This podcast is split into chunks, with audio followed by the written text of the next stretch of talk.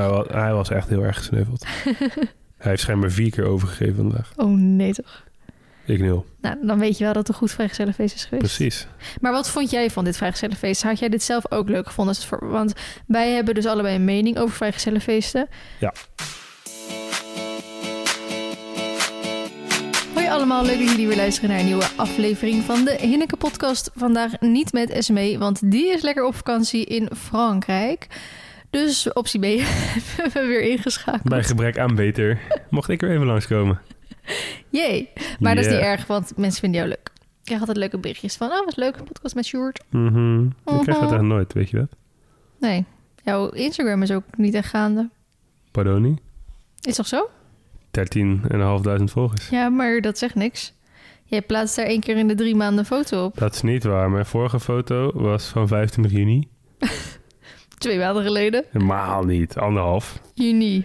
Juni, ja. Het is, schat, het is 13 augustus. Ja, 25 juni. Dus dan heb je nog tot... Min twee dagen.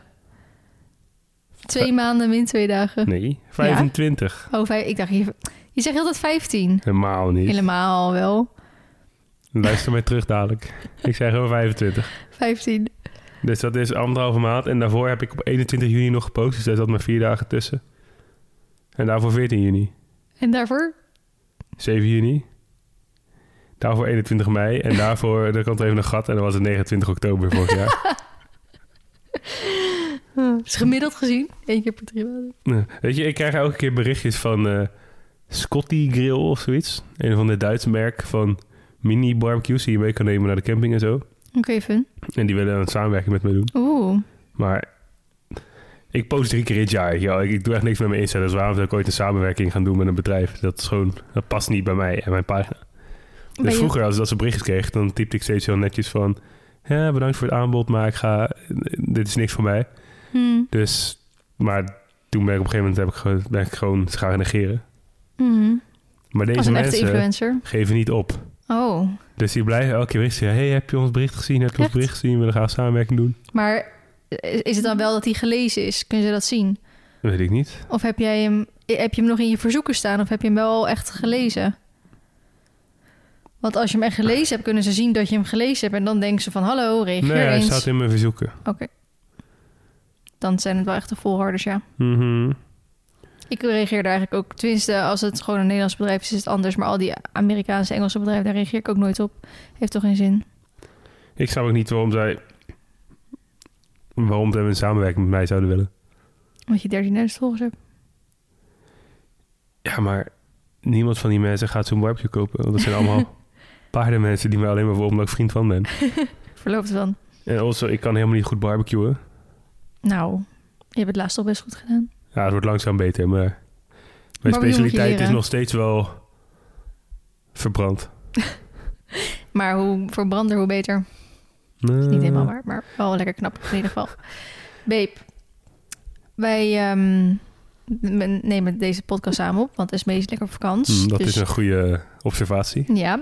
Ehm, dus Esmee gaan jullie volgende week weer horen.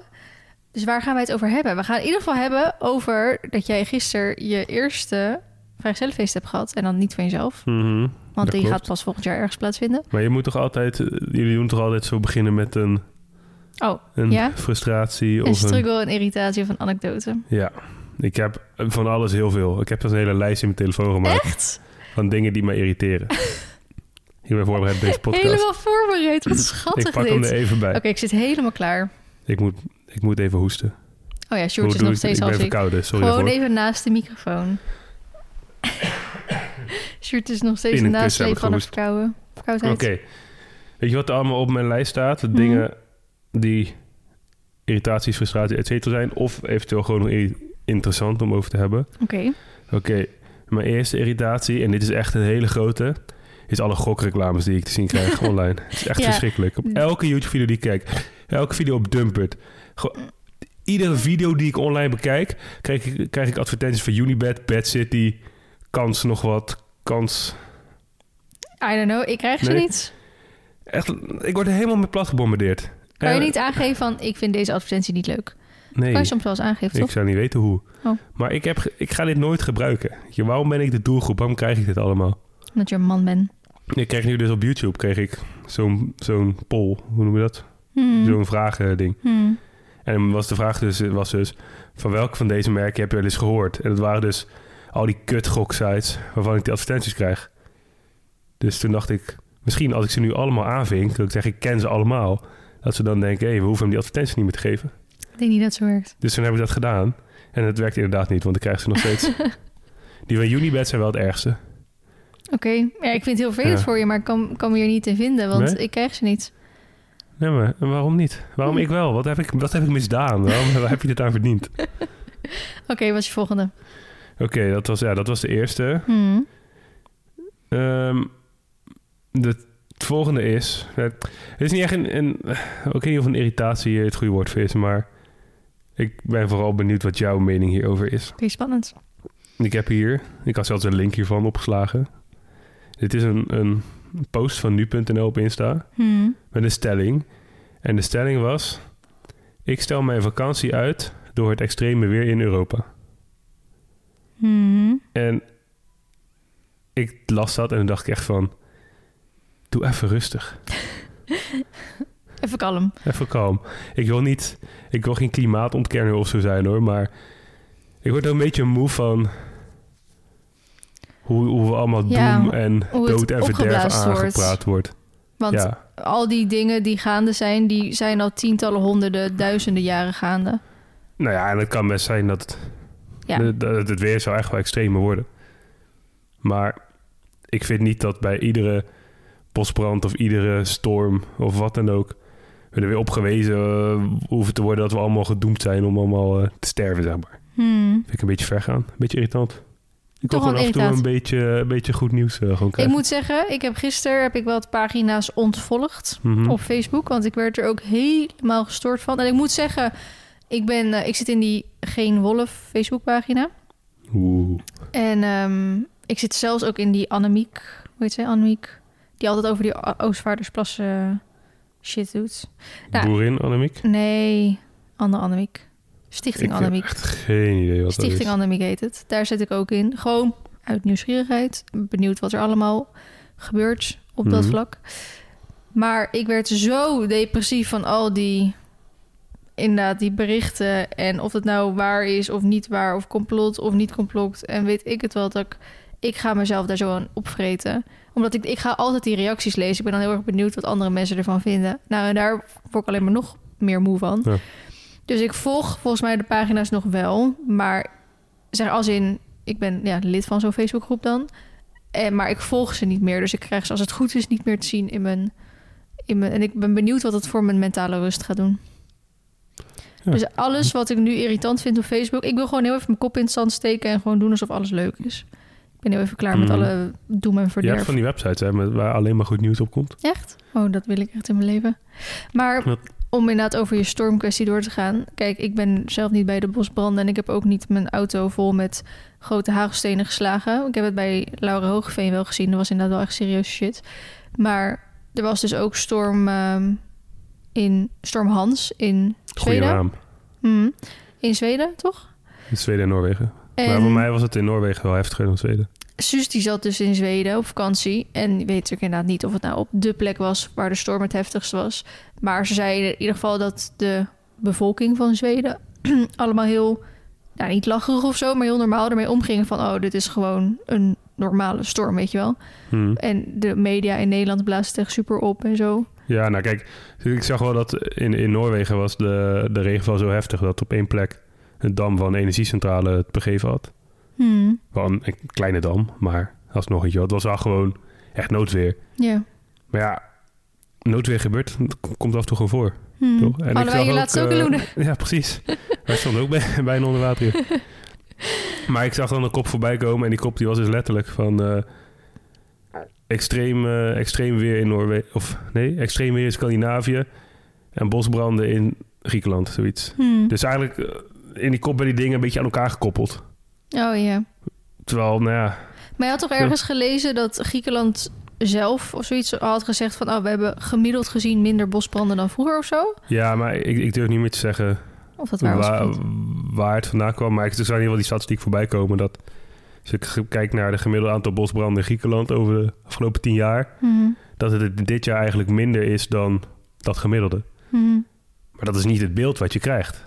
Weet je Nee. wel? Je hebt het idee dat het Dat allemaal de heel, heel, staat. heel kos, was het kos, geloof Weet ik? ik veel. Ik, Heel ik kos krijg is afgefikt, schijnbaar. En iedereen is dood. En... dus ja. Oké. Maar wat ik zei, ik wil niet, ik wil niet klimaatverandering zo ontkennen. Zeker Mhm. niet. Maar ik denk wel dat we gewoon af en toe eventjes moeten relativeren. En Ja, en dat is met alles natuurlijk zo. Ja. Oké, ik Dus lees dat. het ook altijd en denk, oké, en weer door. thanks voor de informatie, doen we niks mee. ja, inderdaad. Dat, Nog iets of zal ik wat vertellen? eh, ik ben nog niet aan de bodem. Sorry, ik ga moeten hoesten. Neem even je hoestpauze. Ik ben weer, ben nog niet op de bodem van mijn, bodem, de onderkant van, het lijst. einde van mijn lijst, dat wordt, dacht ik, aangekomen. Ga goed, babe. Maar, oh ja, dit dingetje is iets wat eigenlijk wel nog aansluit bij het klimaatverhaal wat wij net gehad hebben. Ik ben dus vanochtend, heb ik bijna twee uur in de auto gezeten van Mhm. Rozenburg. Dus dat is echt in de havens van Rotterdam naar huis. Mhm.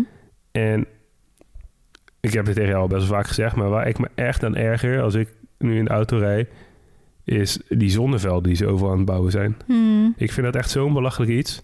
Dat je in Nederland, waar al weinig ruimte is, waar al weinig groen en natuur nog is, dat je er allemaal mooie groene weilanden voor gaat zetten met die zonnepanelen. Het ziet er niet uit. Dan denk ik, ze bouwen overal nu die enorme distributiecentrum en grote gebouwen met platte daken. Mhm. Stop die dan helemaal vol Ja. en laat die weilanden gewoon lekker weiland. ja, daar ben ik het ook mee eens. Waarom? Ik heb wel laatst gehoord, dus ook daarvan weet ik niet in wat feitelijk is of niet, dat een boer normaal gesproken iets van, eh, we hadden toen toch een keer gekeken, iets van 70.000 per hectare kreeg, agrarische grond. Dat is meest inmiddels. Bij ons is het bijna een ton.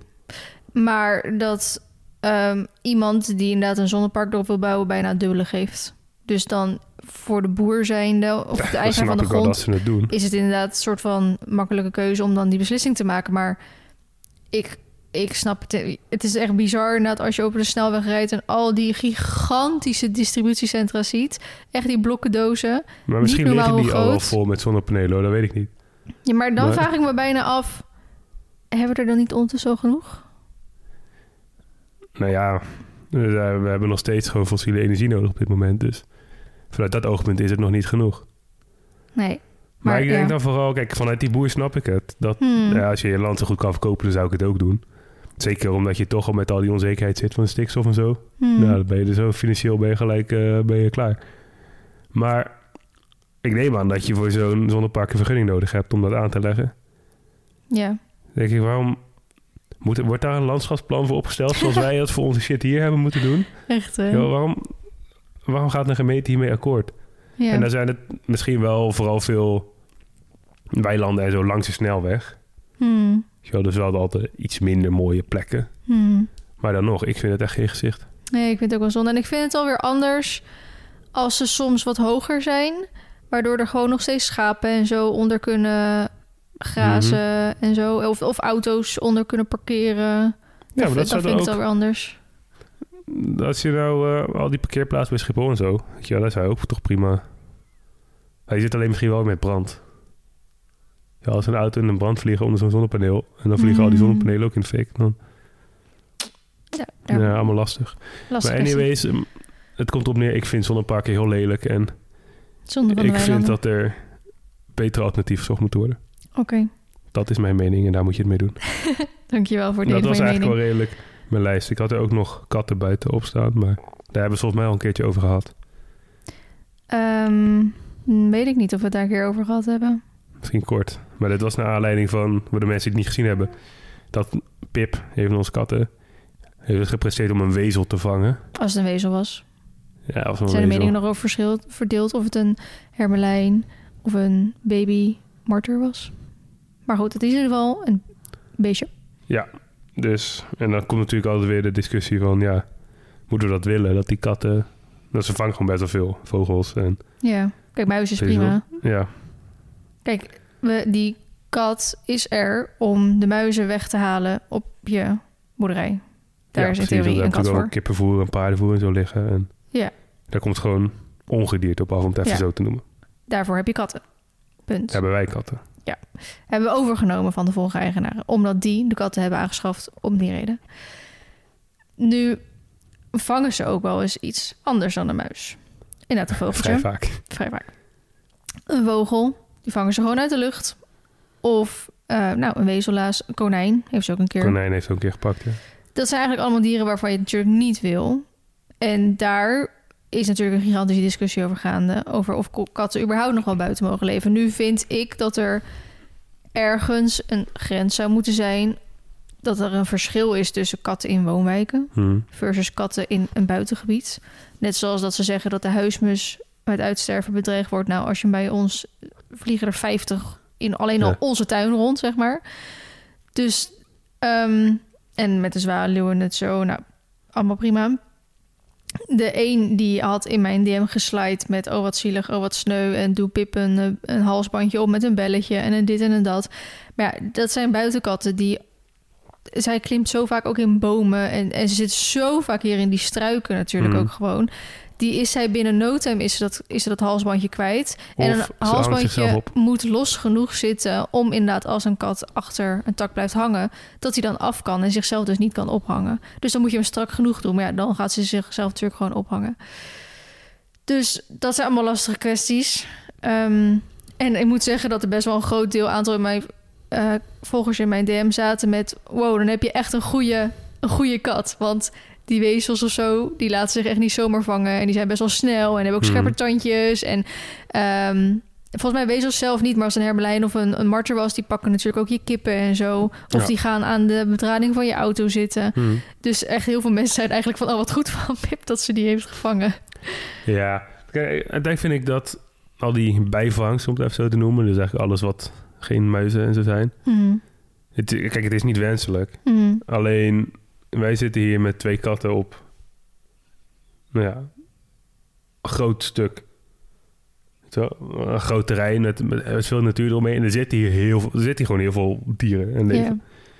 Dus alhoewel het, het, het Ja, het, de Niet verhouding is anders. Want er zijn eigenlijk Ja. veel minder katten op een veel meer dieren, zeg maar. Veel meer wild. Terwijl in een woonwijk heeft ongeveer elk huis één of twee katten. En zijn er veel minder diertjes. Ja, dus ik denk dat de impact van die, die twee katten van ons op nou, al het wild hier vrij klein is. Mhm. Maar inderdaad, in een woonwijk is het gewoon wel echt een probleem. Buiten het feit dat ze daar diertjes vangen... natuurlijk ook het overlast wat ze veroorzaken. Hè? Katten die bij andere mensen in hun tuin poepen en nou, dat soort dingen allemaal. Maar ja, je, je kan ook niet zeggen van in woonwijken mogen katten niet meer buiten komen. En, Ja, ik denk dat ze dat misschien op een gegeven moment wel kunnen zeggen. maar waar trek je dan de grens? Ja, dat weet ik ook niet. Want je kan ook in een woonwijk wonen met een hele grote tuin. Dat is zeker waar. Dus ja, dat, dat is, niet, dat is niet te handhaven, denk ik. Nee.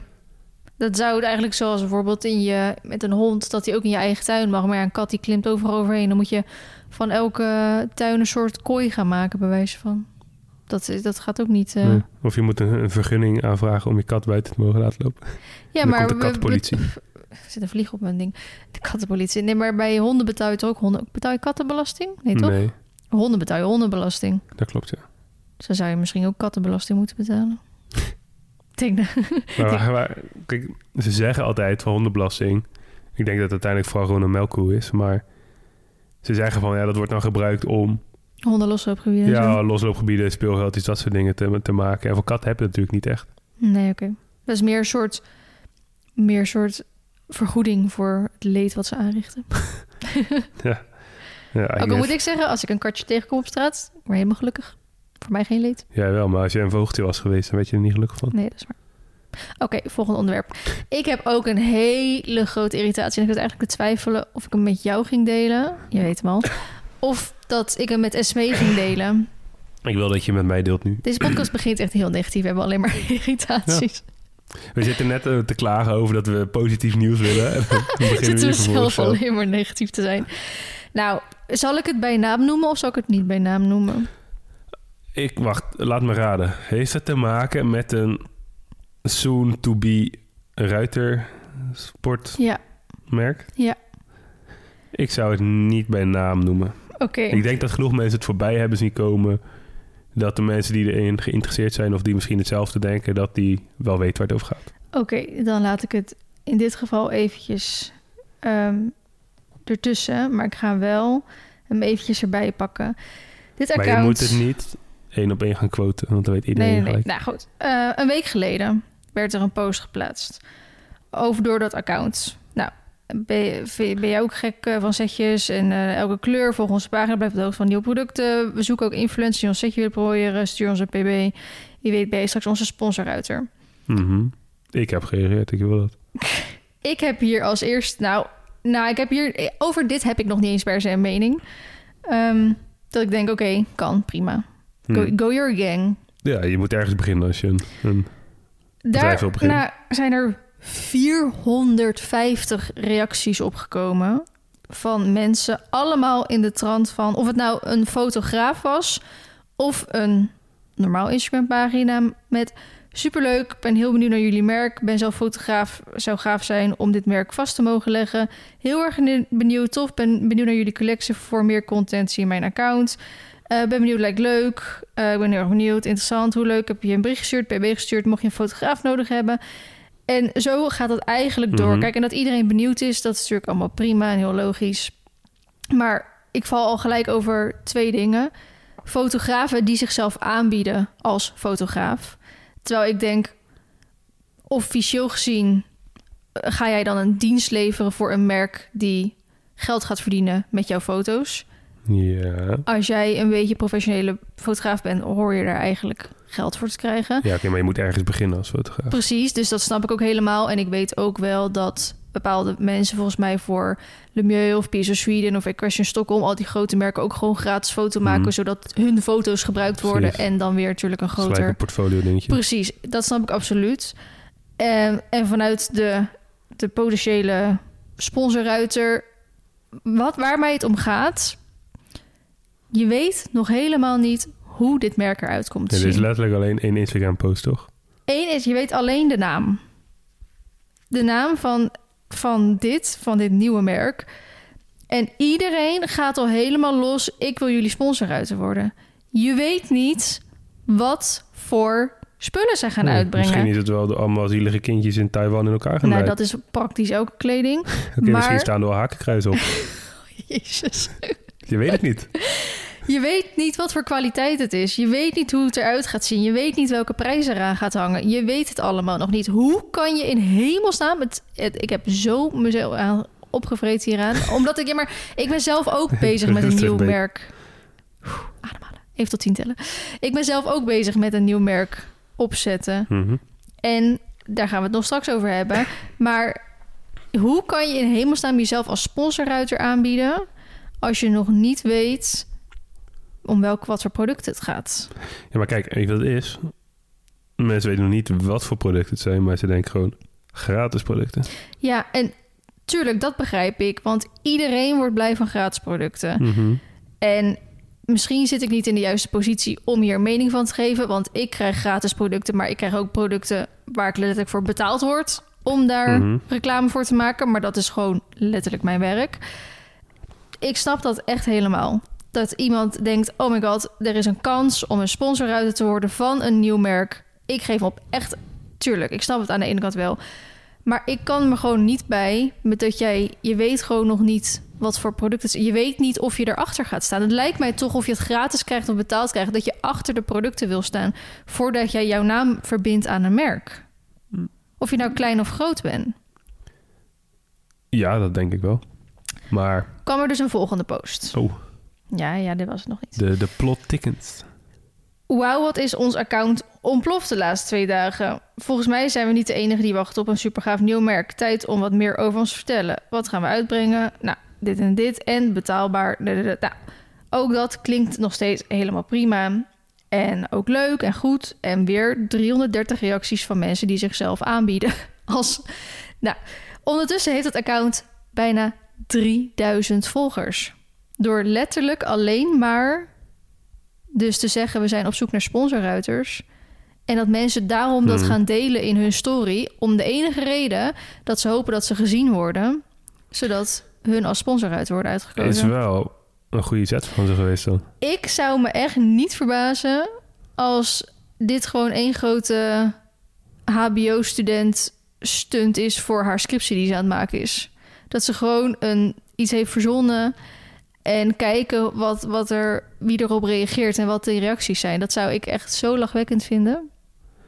Maar het kan ook gewoon legit zijn. Ging, kan ook eh, legit zijn. Brit, Brit Dekker ging een merk beginnen, toch? Britt Dekker gaat ook een merk beginnen. Misschien is het, dat het wel Brit nee, nee, Dekker. nee, dat is het niet. Nee, want Brit, der merk gaat Brit Equestrian heten volgens mij. Brit Dekker Equestrian of zo. Dat zag je aan het logo. En dit heet anders. Kwam er nog een derde post. Jeetje. En eigenlijk zijn het drie dezelfde posts van het logo, maar dan in drie verschillende kleuren. En dit vind ik eigenlijk misschien nog kwalijker. Nou, dankjewel voor de vele aanmeldingen. We willen niet één sponsor uitzoeken, maar meerdere. Ehm maakt ons niet uit hoeveel volgers, hoeveel wedstrijden. Nou, dat is natuurlijk allemaal heel goed. Eh, over kleuren gesproken. Nou, het is voor jullie bedoeld. dus wij vinden dat jullie mogen meedenken over de collectie en de kleuren. Zo blijft ons merk persoonlijk en hopen we dat iedereen fan is van ons setjes.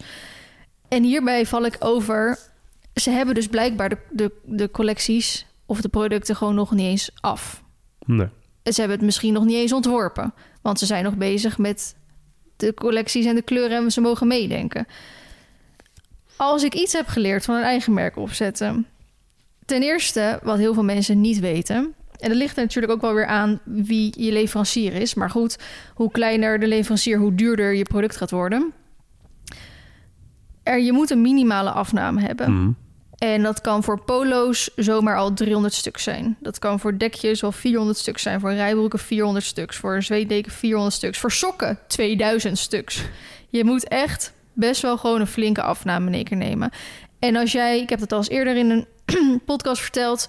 Als ik alles waarvan ik denk, dit wil ik uitbrengen voor mijn collectie. En dat gaat nog maar om ongeveer 10 stuks. Dus met alle plannen die je daarna nog wil hebben, eventueel. Ging de inkoop alleen al om ruim een ton aan inkoop Mhm. dus.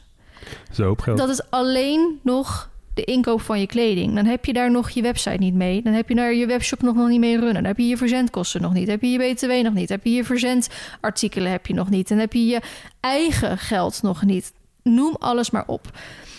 Dus het kan heel goed zijn dat iemand... Het is allemaal, het is allemaal Allemaal speculatie. speculatie. Dat iemand gewoon denkt, leuk, ik ga een merk opzetten. Ik ben alvast op zoek hier en hier naar... waar die misschien nog totaal geen idee heeft... met hoe, waar de vak het vandaan gaat halen. Of ook hoe lang dit gaat Mhm. duren. Want ik bedoel, ik ben al niet voor niks twee keer van leverancier geswitcht... omdat de kwaliteit gewoon elke keer niet was naar Ja. wat ik zocht. Ondertussen ben ik nu ook alweer ruim een jaar bezig met een nieuwe leverancier. En is het sample na sample na sample na sample aanvraag om te kijken: ben ik tevreden over de kwaliteit? Ben ik tevreden over de kleur?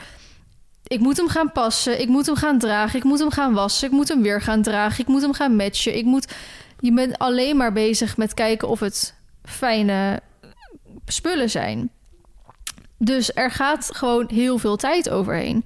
Dus als deze persoon nog niet eens de collectie klaar heeft, nog niet eens ontworpen, misschien wel ontworpen, maar nog niet gemaakt, dan duurt het nog één à twee jaar voordat dit gaat komen. Mhm. Tenzij de eerste, de beste sample gelijk wordt goedgekeurd, maar dan is het de vraag: is de kwaliteit ook goed? Maar het kan ook zijn, want ik zal voor de objectiviteit zal ik een, een tegengeluid laten Dat is horen. goed, dat is goed.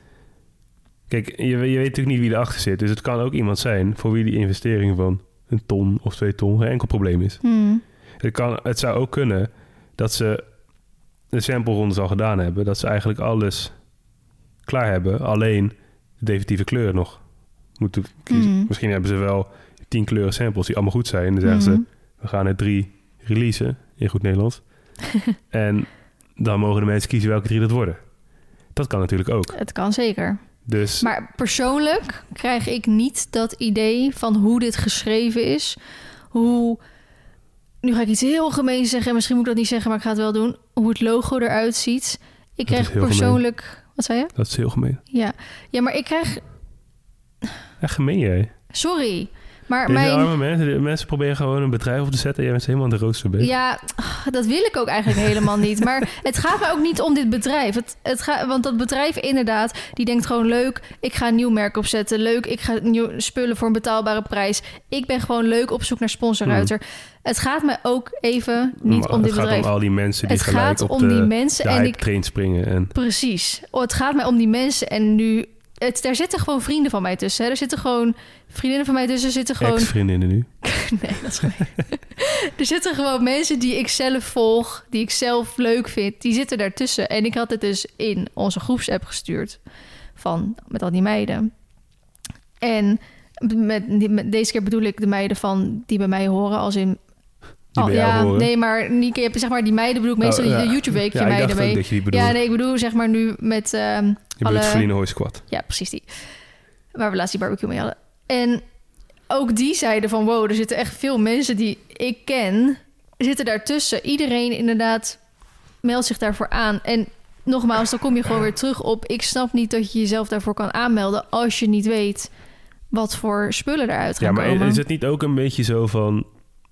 1, 2, 3 mensen doen dat en andere mensen zien dat en die denken... oh, Ja, tuurlijk. weet je wat, mensen die sluiten gewoon aan in de rij eigenlijk. Ik weet nog super goed.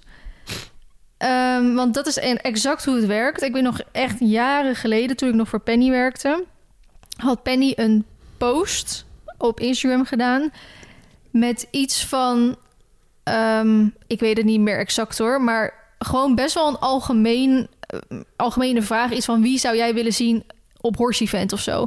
Maar dan meer van, oh, ik zou Vliene willen zien... of ik zou Fenna willen zien... of ik zou Eva Roemaat willen zien... of Jesse Drent of Jolanda Adelaar.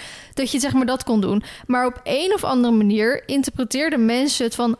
oh, wie zou ik willen zien? Dus ik kan mezelf opgeven... en dan maak ik kans om daar te komen staan. Dus zoveel mensen gingen die post delen van... stuur mij in, stem op mij. Terwijl ik dacht, hè, dat is helemaal niet waar om vragen. maar dat gebeurde zoveel inderdaad. Dus iedereen, omdat dat heel veel gedeeld werd... gingen andere mensen dat ook Ja. denken...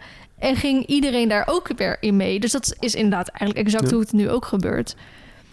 Maar, nou goed. En toen zag ik eigenlijk dus zelfs nog... eh gisteren, dus een paar dagen later nadat ik dit fenomeen ontdekte... zag ik een... eh, oh, huh. dit is raar. Kijk, als ik mijn ding wil openen... dan sta- laat hij alleen ding? dit zien. Ik weet niet wat je ding is. Dit is raar. Nou, kijk hier zoals. Ik heb een, een, ook een notitieding met podcast. Ja, Daar staan dingen in. En dan zie, kijk, zie je ook dat er een foto geplaatst is. Want ik had dus een Ja. screenshot gemaakt. Maar als ik hem open, oh jee. is het allemaal weg. Maar goed, het was, ik heb het gisteren gescreenshot. Dus ik heb, kan nog wat terugvinden. Ergens tussen jouw 20.000 foto's. Mm, meer. Echt niet oké. Oh nee, 18.573 foto's. Daar had dus iemand een... ehm, eh, je hebt zeg maar Marktplaats voor de paardensport. Dat is een Facebookpagina. Ja. Die had Heet daar dus... echt gewoon Marktplaats voor de paardensport? Ja. Origineel. Die had dus een, een berichtje geplaatst. Ik ben op zoek naar een bedrijf dat producten voor beginnend ruitermerk maakt. Dit houdt in ruiter verzorgings- en sportartikelen van een eigen nieuw slash onbestaand merk. Heeft iemand een idee waar dit kan? Bij voorkeur rondom puntje, puntje, puntje. Dan denk ik al zoiets... 1 en 1 is 2. Nou, dat denk ik op zich niet. Maar ehm, wat, ik, wat ik wel gelijk hieraan opmerkte is van... oké, deze persoon heeft... Ja, die zoekt iets rondom haar woonplaats. Maar dat als je eigenlijk een, een ruitersportmerk op wil zetten... dan kan dat soort van niet. Nee, het dat is niet goed. Het is niet alsof je in iedere grote stad een ruitersport, Nee, ruiterartikel op fabrikant hebt. Nee, er zijn er eigenlijk maar een x-aantal... misschien maar twee, drie, vier, vijf... in Nederland die dat kunnen. Ja. Ehm, en ja, er zit in elk, elke stad zit een, zo'n reclamebureau... die ook shirtjes bedrukt. En, Mm, Maar dat hebben wij ook de allereerste keer gedaan. dat is niet goedkoop. Dat is niet goedkoop. of, of het is iets goedkoper, maar je krijgt een vreselijke kwaliteit. Dus, nou goed, diegene weet dan niet zo heel goed waar het over gaat. Daaronder staat weer... ook staan wij nog open voor ruiters en fotografen... om mee samen te werken aan onze eerste collectie. Nou, misschien is het toch wel 1 en 1 is 2. Maar vervolgens staat dus weer al die reacties met fotografen vol, met mensen die hun paard en zichzelf of hun fotografie aanbieden om die collectie zeg maar te promoten.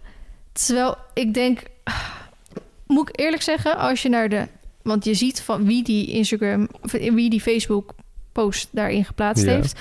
Als je naar haar account gaat, heeft ze niet een hele recente foto, maar uit 2021.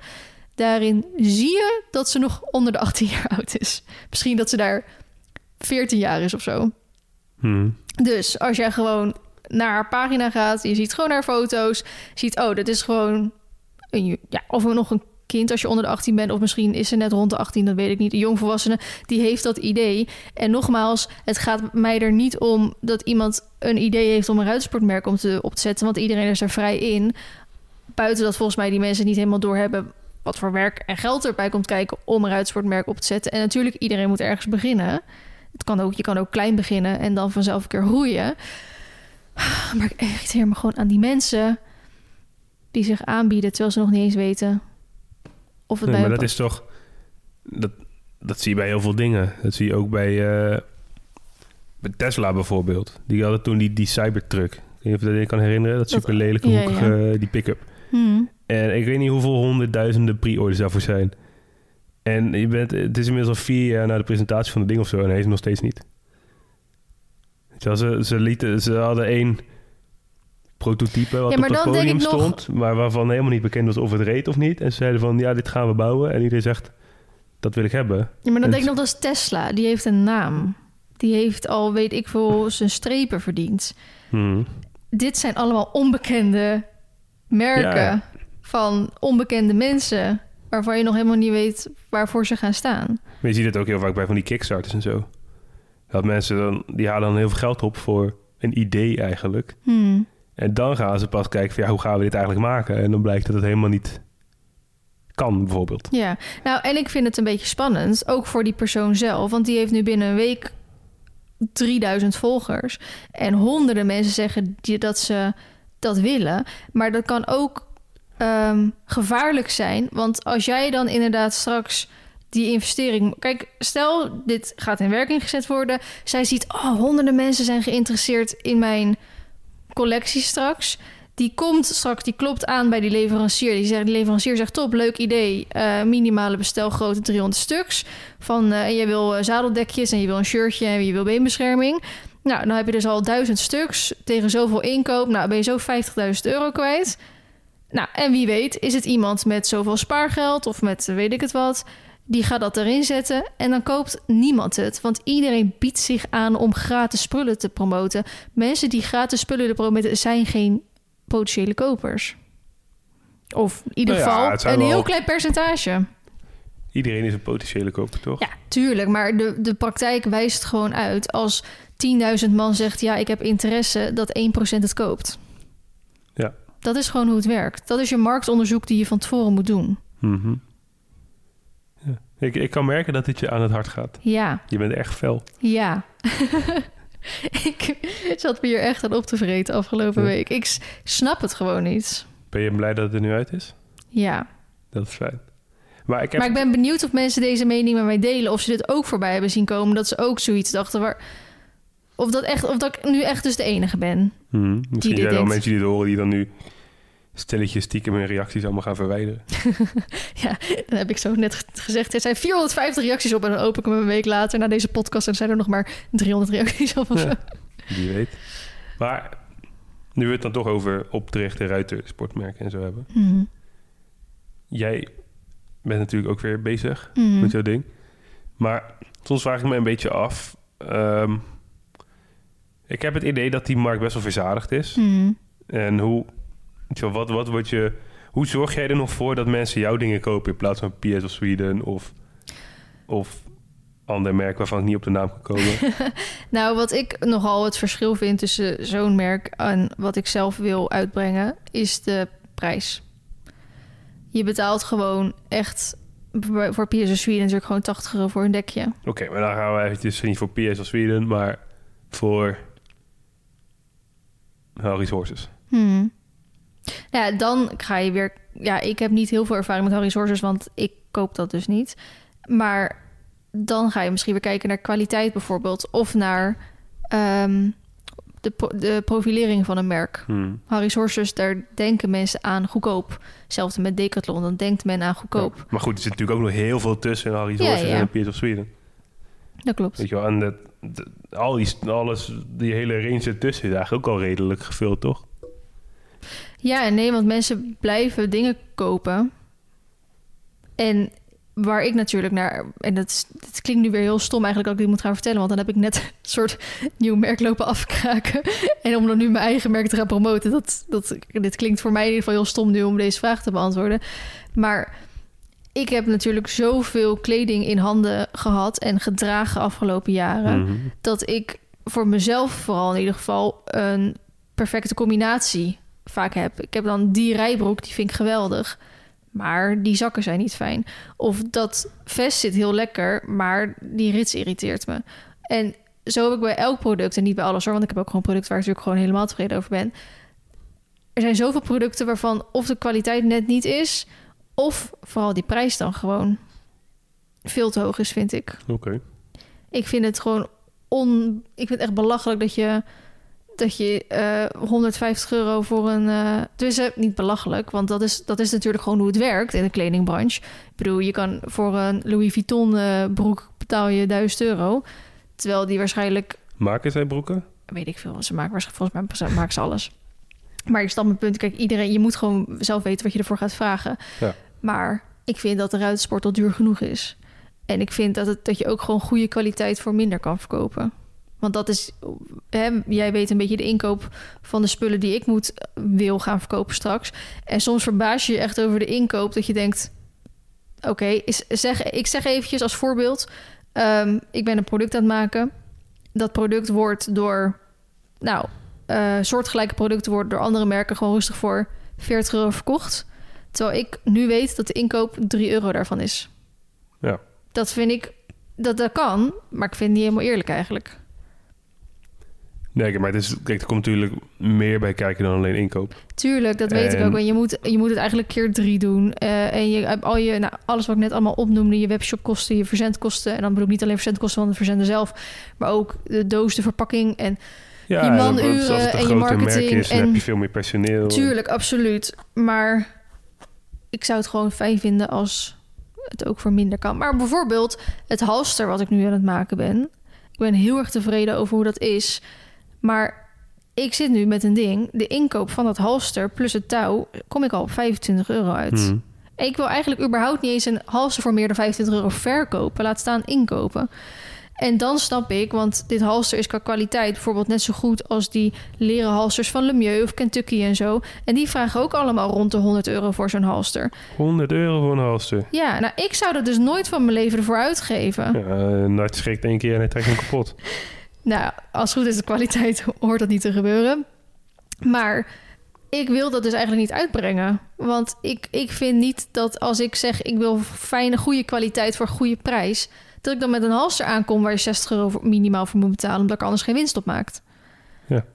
Dus daar Ja, zit ik nog... Ja, daar zit ik een beetje mee nog. Ja, maar dan kan, ik kan je daar Maar, niet da- maar daarom is het heel moeilijk. Kijk, buiten de kwaliteit is één ding. De, nou, eigenlijk is het eerste ding überhaupt al... hoe de fuck ga je het allemaal bekostigen en betalen... en hoe ga je überhaupt vinden waar je een, collectie moet gaan laten maken. Hoe vaak krijg ik de vraag... waar laat jij je collecties maken? Want ik wil ook zoiets gaan doen. Volgens ja, mij, zo makkelijk gaan we het niet maken voor de concurrentie. hè? dus je moet, al, je moet al vinden waar je het gaat laten maken. Dan moet je het geld hebben om het te laten maken. Dan moet je de ontwerper natuurlijk hebben. Dus dan moet je de pasvormen, de, de, de stof, de, nou, noem het op. Dan wil je de kleuren nog goed hebben. Dus, en dan ook nog eens de prijs goed hebben. Dat, dat is dus echt waar gewoon jaren overheen gaat. Ja. Dus, ik denk dat veel mensen dat wel onderschatten. dat Ja, die denken van, oh, het lijkt me leuk om een merk te beginnen. En dan, Ja. En dan moet je ook nog uitkijken, want ik haal dus wel eens mijn inspiratie van andere merken. Van, oh, ik vind hun bodywarmer echt heel fijn, maar ik zou dan die rits anders willen. Maar dan moet je wel oppassen dat jouw bodywarmer niet een één op één kopie wordt met inderdaad alleen andere Ja. ritsen. Want dat is ook niet eenmaal wat je wil natuurlijk. of dat je logo te veel lijkt op een ander logo. Ja, ik heb mijn logo bedacht samen met Anne. Toen, ja, onze klok gaat af, ik weet niet, hoor, misschien hoor je het op de achtergrond. Super blij met dat logo. Dus wij aan mijn leverancier doorgeven. Zegt zij, oh, dat logo lijkt wel een beetje op dat andere logo. En toen dachten we, verrek. Inderdaad. Een, een beetje inderdaad. Maar je weet niet of dat genoeg is. En zij, dat, dat zijn we dus nu juridisch aan het uitzoeken. Daar gaat een advocaat naar kijken. Lijkt dit logo er te veel op? En buiten dat we dat gaan laten uitzoeken, moet je ook je merk vastleggen. Dus je merknaam, maar ook je merklogo. Ga je dat alleen in Nederland laten doen? Ga je dat Europees laten doen? Binnen hoeveel... ehm, ik weet nog niet hoe ze dat noemen, maar je kan het eh, bijvoorbeeld op, op binnen één of ook meerdere... Hoe noem je dat? Dat ik bijvoorbeeld een kledingmerk zo kan noemen. Maar als iemand een re- restaurant opent met dat merk... precies. Snap je? Ja, of het alleen zeg maar in jouw branche Ja, precies. Of wil ik ook is of meerdere branches. Net zoals dat bijvoorbeeld jij, jij, ik verwacht dat misschien een Nike of een Adidas hun merknaam binnen alle branches heeft, zodat er niet in één keer een restaurant Adidas kan heten of Ja. zo, of een, eh, Nike of weet ik het wat. Dus dat moet ook allemaal uitgezocht worden. Dat moet ook allemaal betaald worden. Ehm, ik weet niet meer waar ik me heen wilde verhaal, maar hoop in gedoe gewoon in ieder geval. heel veel bij Het kijken. is meer dan alleen een Instagram post maken. En influencers zoeken. Maar Dat is nog het makkelijkste Ik, gedeelte je, misschien. ik ga gewoon met interesse volgen hoe dit gaat lopen. Ik ook. Ik ben zeer Ik- benieuwd. Ik hoop, ik hoop dat het lukt. Ja, zeker weten. Als ik zo mag horen, is iedereen helemaal hyped voor dat merk. Het zou hartstikke leuk zijn als het voor, voor hun werkt. Ja. Maar, dus, ik, dus ik hoop het dat het voor ze werkt. Maar ik hoop wel dat het voor degene die zich nu al hebben opgegeven als potentiële sponsor, Ruiter, dat het dan ook echt fijne producten zijn waar je ook achter kan gaan staan. Ja, time will tell. Nou, ik ben heel erg Mhm. benieuwd inderdaad. En ik zou echt, ik zeg heel erg lachen als het gewoon een, een testje is. Dat is gemeen. Ja, maar het zou wel grappig zijn. Gemeen, jij. Oké, Ja. on to the next. Positiviteit. Ik heb niks positiefs. Ja, ik heb Jij net dus per positiefs? ongeluk volgens mij heel mijn eh, notities eh, van de podcast verwijderd. Dus, dat is ook eh, niet heel positief. Nee, dus ik ben ook alles kwijt. Nou, ik heb wel iets positiefs. Ik had dus gisteren ehm, voor het eerst in mijn leven een vrijgezellenfeest. Ja, daar wil ik het over hebben. Wil jij het over hebben? Ja. Oké. Wat wil je weten? Alles. Alles. Nee, ik ga je alles vertellen. Ik zal de highlights vertellen. Oké. Ehm, het was in Dort uiteindelijk. In Dordrecht. Mhm. Waar ik oorspronkelijk vandaan kom. Mhm. Het was zelfs pal naast de jachthaven waar ik denk 25 jaar van mijn leven vaak gekomen ben, omdat de boot van mijn ouders daar lag. Mhm. Maar afgelopen jaar ben ik er nooit meer geweest, dus het was wel grappig om daar weer te zijn. Mhm. Er is echt heel veel veranderd daar namelijk. Echt? Ja, like de, het is... Oké, sommige mensen weten misschien een beetje hoe het eruit ziet bij Dordrecht in de buurt. Maar je hebt de A16 en dan de Moerdijkbrug. Mhm. En daar pal naast is de, eh, een vakantiepark en een jachthaven. En dat was dus op het vakantiepark. Mhm. Ehm, en vroeger als je er naartoe reed, dan reed je er gewoon door de polder. Tot een paar jaar terug. En als je er nu naartoe rijdt, dan rij je dus tussen een gigantische distributiecentrum door. Oh. Distributiecentra. Mhm. Echt, zover als je kan kijken, is echt niet normaal hoeveel daar gebouwd is. Maar de weg er naartoe is dus ook in één keer helemaal anders. Daardoor heel die infrastructuur is veranderd. Mhm. Dus ik herkende het gewoon niet totdat we er in één keer gewoon waren eigenlijk. Mhm. Dat is echt bizar. Maar eh, wel leuk om daar weer eens geweest te zijn. Eh, dus daar was het. En daar hadden we dan eh, drie activiteiten en daarna een barbecue. Leuk. Met tussendoor vrij veel bier. en de eerste activiteit was bubbelvoetbal. Op het water. Nee, gewoon op land. Hoe ziet dat er? Oh. Dan heb je zo'n zo'n opblaasbal om je heen en alleen Ja, je ja. benen steken uit. Zeg maar. Dus je kan Oh, elkaar altijd kaart rammen en dan Ja. stuit je gewoon Is dat weg. fun? En dan, het, het is fun. Doet het pijn? Nee, het doet geen pijn. Oh, dat is fijn. Maar er was een probleem. Oh. Jij was er niet in. Noem je me nou dik? Nee, lang. Nee, dat ging prima. Maar, sorry, ik doe even een kuchje. Be right back. Oké, ik ben er weer. We gaan door met dit verhaal. Mhm. Je moet volgens mij je microfoon even andersom houden. Ik weet niet hoe jij hem houdt, maar... ja, dus Hoezo? Praat ik te zacht. Nee, maar ik weet niet. Maar oké, ehm, zij doen het dus. Het is dus op een vakantiepark. Maar het wordt door, gedaan door een bedrijf wat wel weer onafhankelijk is. Maar gewoon afspraken heeft gemaakt met hun. En ze hebben dus een veld ergens op het park waar ze dat standaard doen. En dat veld was in één keer gebruikt als boottrailer parkeerplaats. Oké. Dus dat konden we niet gebruiken. Mhm. Dus hadden ze een alternatief veld gevonden. op een heel mooi plekje. En het veld zelf was groot zat. Maar aan de ene kant van het veld was de rivier. En aan de andere kant van het veld was een vijver. Oké, En dan moesten wij dus gaan voetballen. oké. En niemand van ons kan goed voetballen. ja, we moesten ook nog eens voetballen in zo'n bubbel. Hmm. Dus wij hadden ons allemaal in die bubbel gehezen. En letterlijk het eerste schot dat iemand neemt, verdwijnt die bal in de rivier. nou, dat was het bubbelvoetbal. Oh, echt? Dus- Toen was het klaar. nee, nou, echt, nou, een kwartier later kregen we een andere bal. Dus we hebben echt een kwartier lang gewoon rondjes gerend en elkaar omvergebeukt. en geprobeerd om mensen het water in te rollen en zo. Hmm. Dus dat was wel lachen. En toen- Maar we hebben een heel groot stuk overgeslagen hiervan. Hoezo? Van wie was het vrij, vrijgezellenfeest en hoe reageerde diegene toen hij erachter kwam dat het een vrijgezellenfeest was? Want meestal is zoiets een verrassing. Mhm. Eh, ik, ik weet niet of ik... Tuurlijk mogen we vertellen van wie het was. Het was van Dave. Dat was van Dan Dave, Den eh, Dave. die ik nog ken van de opleiding. En ik ook. Hallo, we hebben samen in de klas gezeten met z'n allen. Ja, maar jij was niet uitgenodigd, dus... Nee, de, maar, maar voor wie dat misschien nog weet... ehm, eh, jaren geleden toen ik op stage ging in Curaçao naar Pippi's opvang... toen gingen we met z'n vieren in totaal naar Curaçao Mhm, toe. Sjoerd, ik, Robert. Robert kennen de meesten denk ik ook. Nou, niet de meeste, maar dat is een goede vriend van jou. En dat is natuurlijk ook, ik wil zeggen tegenwoordig... maar ook echt alweer vier jaar de vriend van Juliette, langer vriendin van mij. jaar. Het is alweer langer. Ehm, en Dave ging dus ook mee. Dus Ja. we met, waren lekker met z'n vieren een maand op Curaçao. En hebben we echt ge- gebond. Ja, dus nu was ik op zijn vrijgezellenfeest. En hij zit dus bij de brandweer. Dus eh, de vrijwillige brandweer. En we hadden dus afgesproken bij de kazerne... eh, waar zijn brandweer zit. Hmm, Dat was mijn eerste keer in een brandweerkazerne.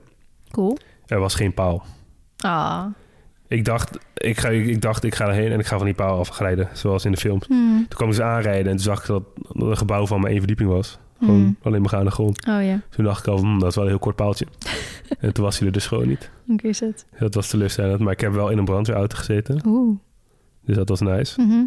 Maar hij werd Ehm, toch opgebiept dan? Dat hij daarheen moest? Ja, ze, ze hebben van die piepers. Dus ehm het was geregeld dat zijn pieper om 11 uur af zou gaan.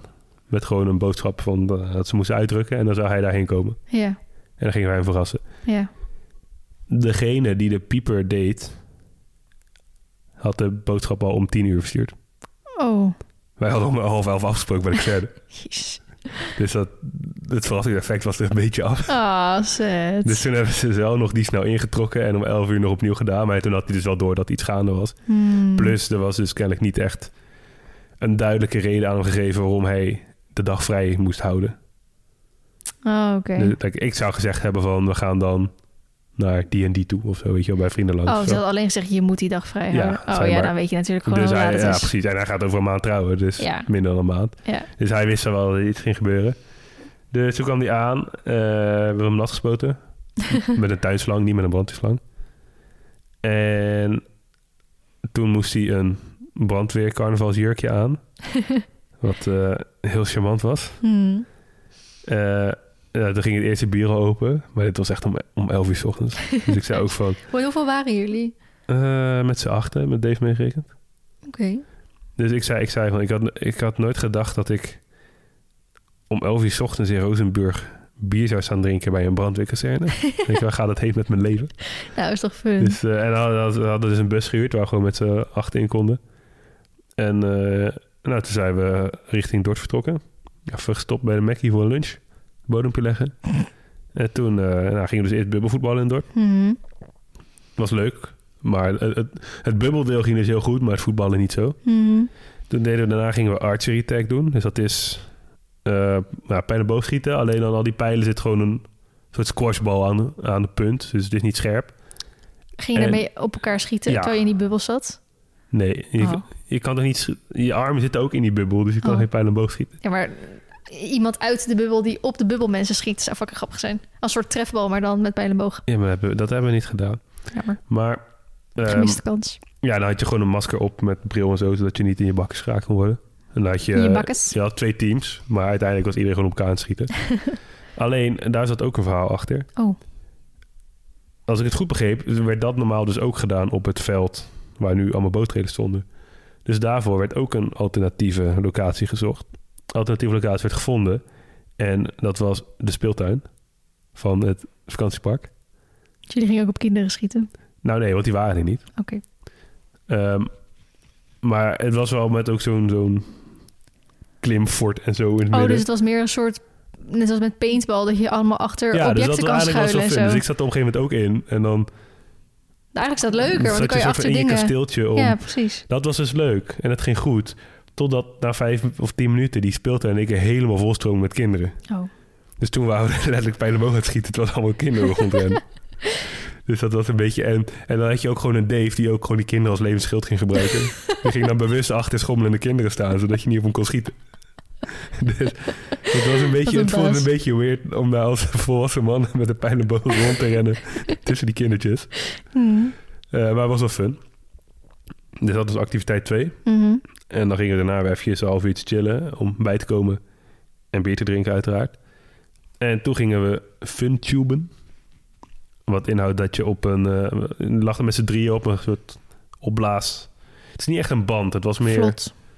ja, een, een opblaasding achter een speedboot. Hmm. Die dan best wel hard eh ging varen. Alleen, we hadden een soort van pech met het weer, maar ook wel geluk. Want ik reed daar 's ochtends heen. Het was bijna twee uur rijden om in Rozenburg te komen. En het heeft gewoon twee uur lang geregend. Echt? En ik dacht Ja, het echt, heeft gisterochtend heel Ja, dat was heel echt- rot weer. Dus ik dacht, nou ja, al die activiteiten waren buiten. Ja. Dus ik dacht, nou, daar gaan we. Maar eigenlijk toen het aankwam, toen trok het open. kwam Mhm. zo het betere weer vanaf zee. En uiteindelijk is het best wel prima geweest. ja. Alleen, het was niet zo heel warm. Dus het was wel een beetje koud op het water, Mhm. op dat ding. En het was echt zwaar. Ik dacht, je gaat op dat ding liggen. Je houdt je een beetje vast en that's it. Mhm.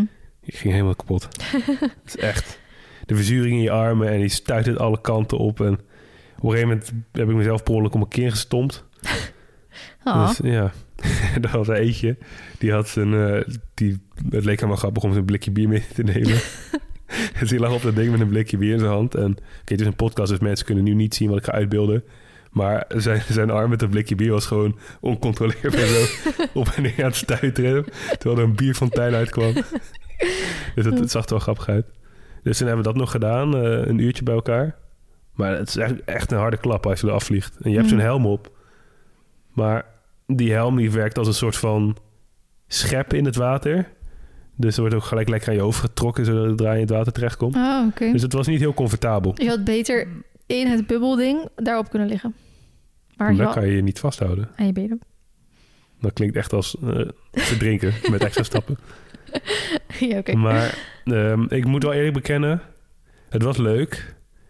Maar dit maar- wel veel pijn. Ik weet niet of ik het nog een keer zou doen. Mhm. Misschien als het water echt heel vlak is. Want het was nu er stond ook gewoon wat wind, er waren wat golfjes. Mhm. Dus het, het was niet zo comfy.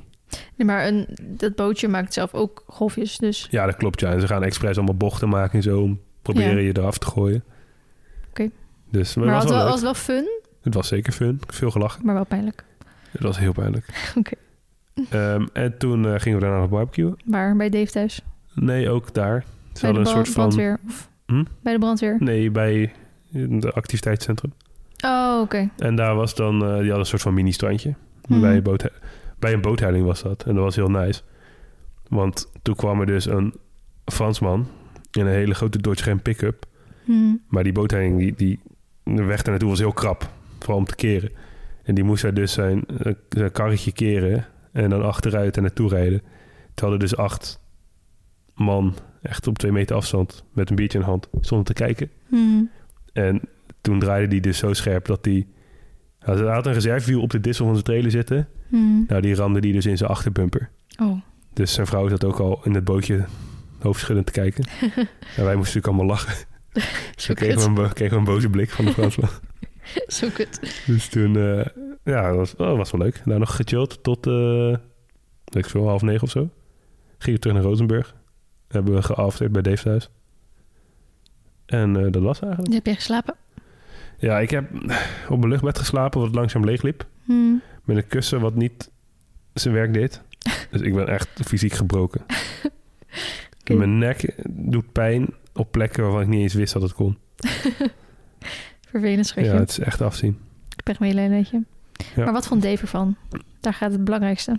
Ja, dat moet je aan hem vragen. Maar volgens mij vond hij het leuk. Hij was wel helemaal gesneuveld vandaag, toch? Hij was, hij was echt heel erg gesneuveld. hij heeft schijnbaar vier keer overgegeven vandaag. Oh nee toch. Ik nul. Nou, dan weet je wel dat het een goed vrijgezellenfeest is geweest. Precies. Maar wat vond jij van dit vrijgezellenfeest? Had jij dit zelf ook leuk gevonden? Want wij hebben dus allebei een mening over vrijgezellenfeesten. Ja. dat, bedoel, volgend jaar moeten wij allebei ook. Had Sven daar eigenlijk haar vrijgezellenfeest al gehad of niet? Weet ik niet eigenlijk. Maar ik hoef dus echt niet in een piemelpak door de stad heen en, en elke bar te gaan shotten of zo. Daar maak je mij niet gelukkig Nee. mee. Ik, mij lijkt het ook hartstikke leuk om iets van activiteiten te doen en een barbecue en fun. En jou, jij zei ook van nou, gaan we met een groepje vrienden lekker barbecue een weekendje de Ardennen of zo. Eh, mm, ja, in grote lijnen zou ik zoiets als dit ook wel leuk vinden. Mhm. Dat brandweerjurkje had ja, dat brandweerjurkje, dat hoeft voor mij niet zo. Ja, maar ik vind Dave, die, die rokt ja, dat wel. ja, maar die heeft scheid. Ja. Die, die liep met dat ding de McDonald's in en eh, allemaal geen probleem. Ehm, maar dat zou voor mij dan weer niet hoeven. Mhm. Maar verder, ik, het, het, zulke soort activiteiten met een barbecue en zo, dat hm, zou ik ook wel leuk vinden. Oké, Ik ga geen kroegen toch in Amsterdam doen of zo, fuck dat. keer je weer om. Dat is echt niks voor mij. Nee, Dan meld ik me gewoon ziek. I'm out of here. Ik, eh, en sommige mensen zeggen wel van... Ja, maar het is een vrij gezellig feest voor jou. Je organiseert het niet, dus je hebt niks te willen. Maar dan denk ik van, ja, hallo. ik ga gewoon geen dingen doen waar ik geen zin in heb. Nee, precies. Het is wel, het is wel jouw vrijgezellenfeest. Ja, dus. uiteindelijk moet het een leuke herinnering zijn. Nou, precies. En je moet, dus je moet niet gedwongen worden om dingen te doen waar je je niet fijn bij voelt. Mhm. Vind ik. Ja, daar ben ik het mee eens. Hij vertelde dus ook, want ik was, ik was een beetje een buitenbeentje in die groep, want ik was dus de enige die niet uit Rozenburg of direct omgeving kwam. Mhm. En ze hebben dus ook nog van iemand anders een bruiloft, heel binnenkort, waar bijna al die gasten dus ook heen gingen die erbij waren. Mhm. Maar die guy waar die bruiloft van is, die doet zijn vrijgezellenfeest dus de dag ervoor. Oh, dat, waarom? Als ja, we dat, dat ooit is een doen. hele goede vraag. dat is echt, Maar organiseert je hem zelf gezien. dan? Ja, ik heb geen idee eh, hoe, ze, hoe het zo tot stand gekomen is. Maar, Nou, of het moet een hele kalme vrijgezellenfeest worden... dat iedereen de volgende dag gewoon fris en fruitig daar Ja, kan het staan. is echt vragen om problemen. Ja. Dat zou ik nooit doen. Wauw, dat is echt het slechtste idee ooit. Yep. Oké. Dus ja. Maar dat was dus mijn eerste vrijgezellenfeest eh ever. Oké, leuk. Was wel fun. Ja. Nou, ik heb er nog nooit in gehad, dus Nee. Maar jij bent al wel naar best wel wat bruiloften geweest. twee en jij één. Jij hebt mm, drie.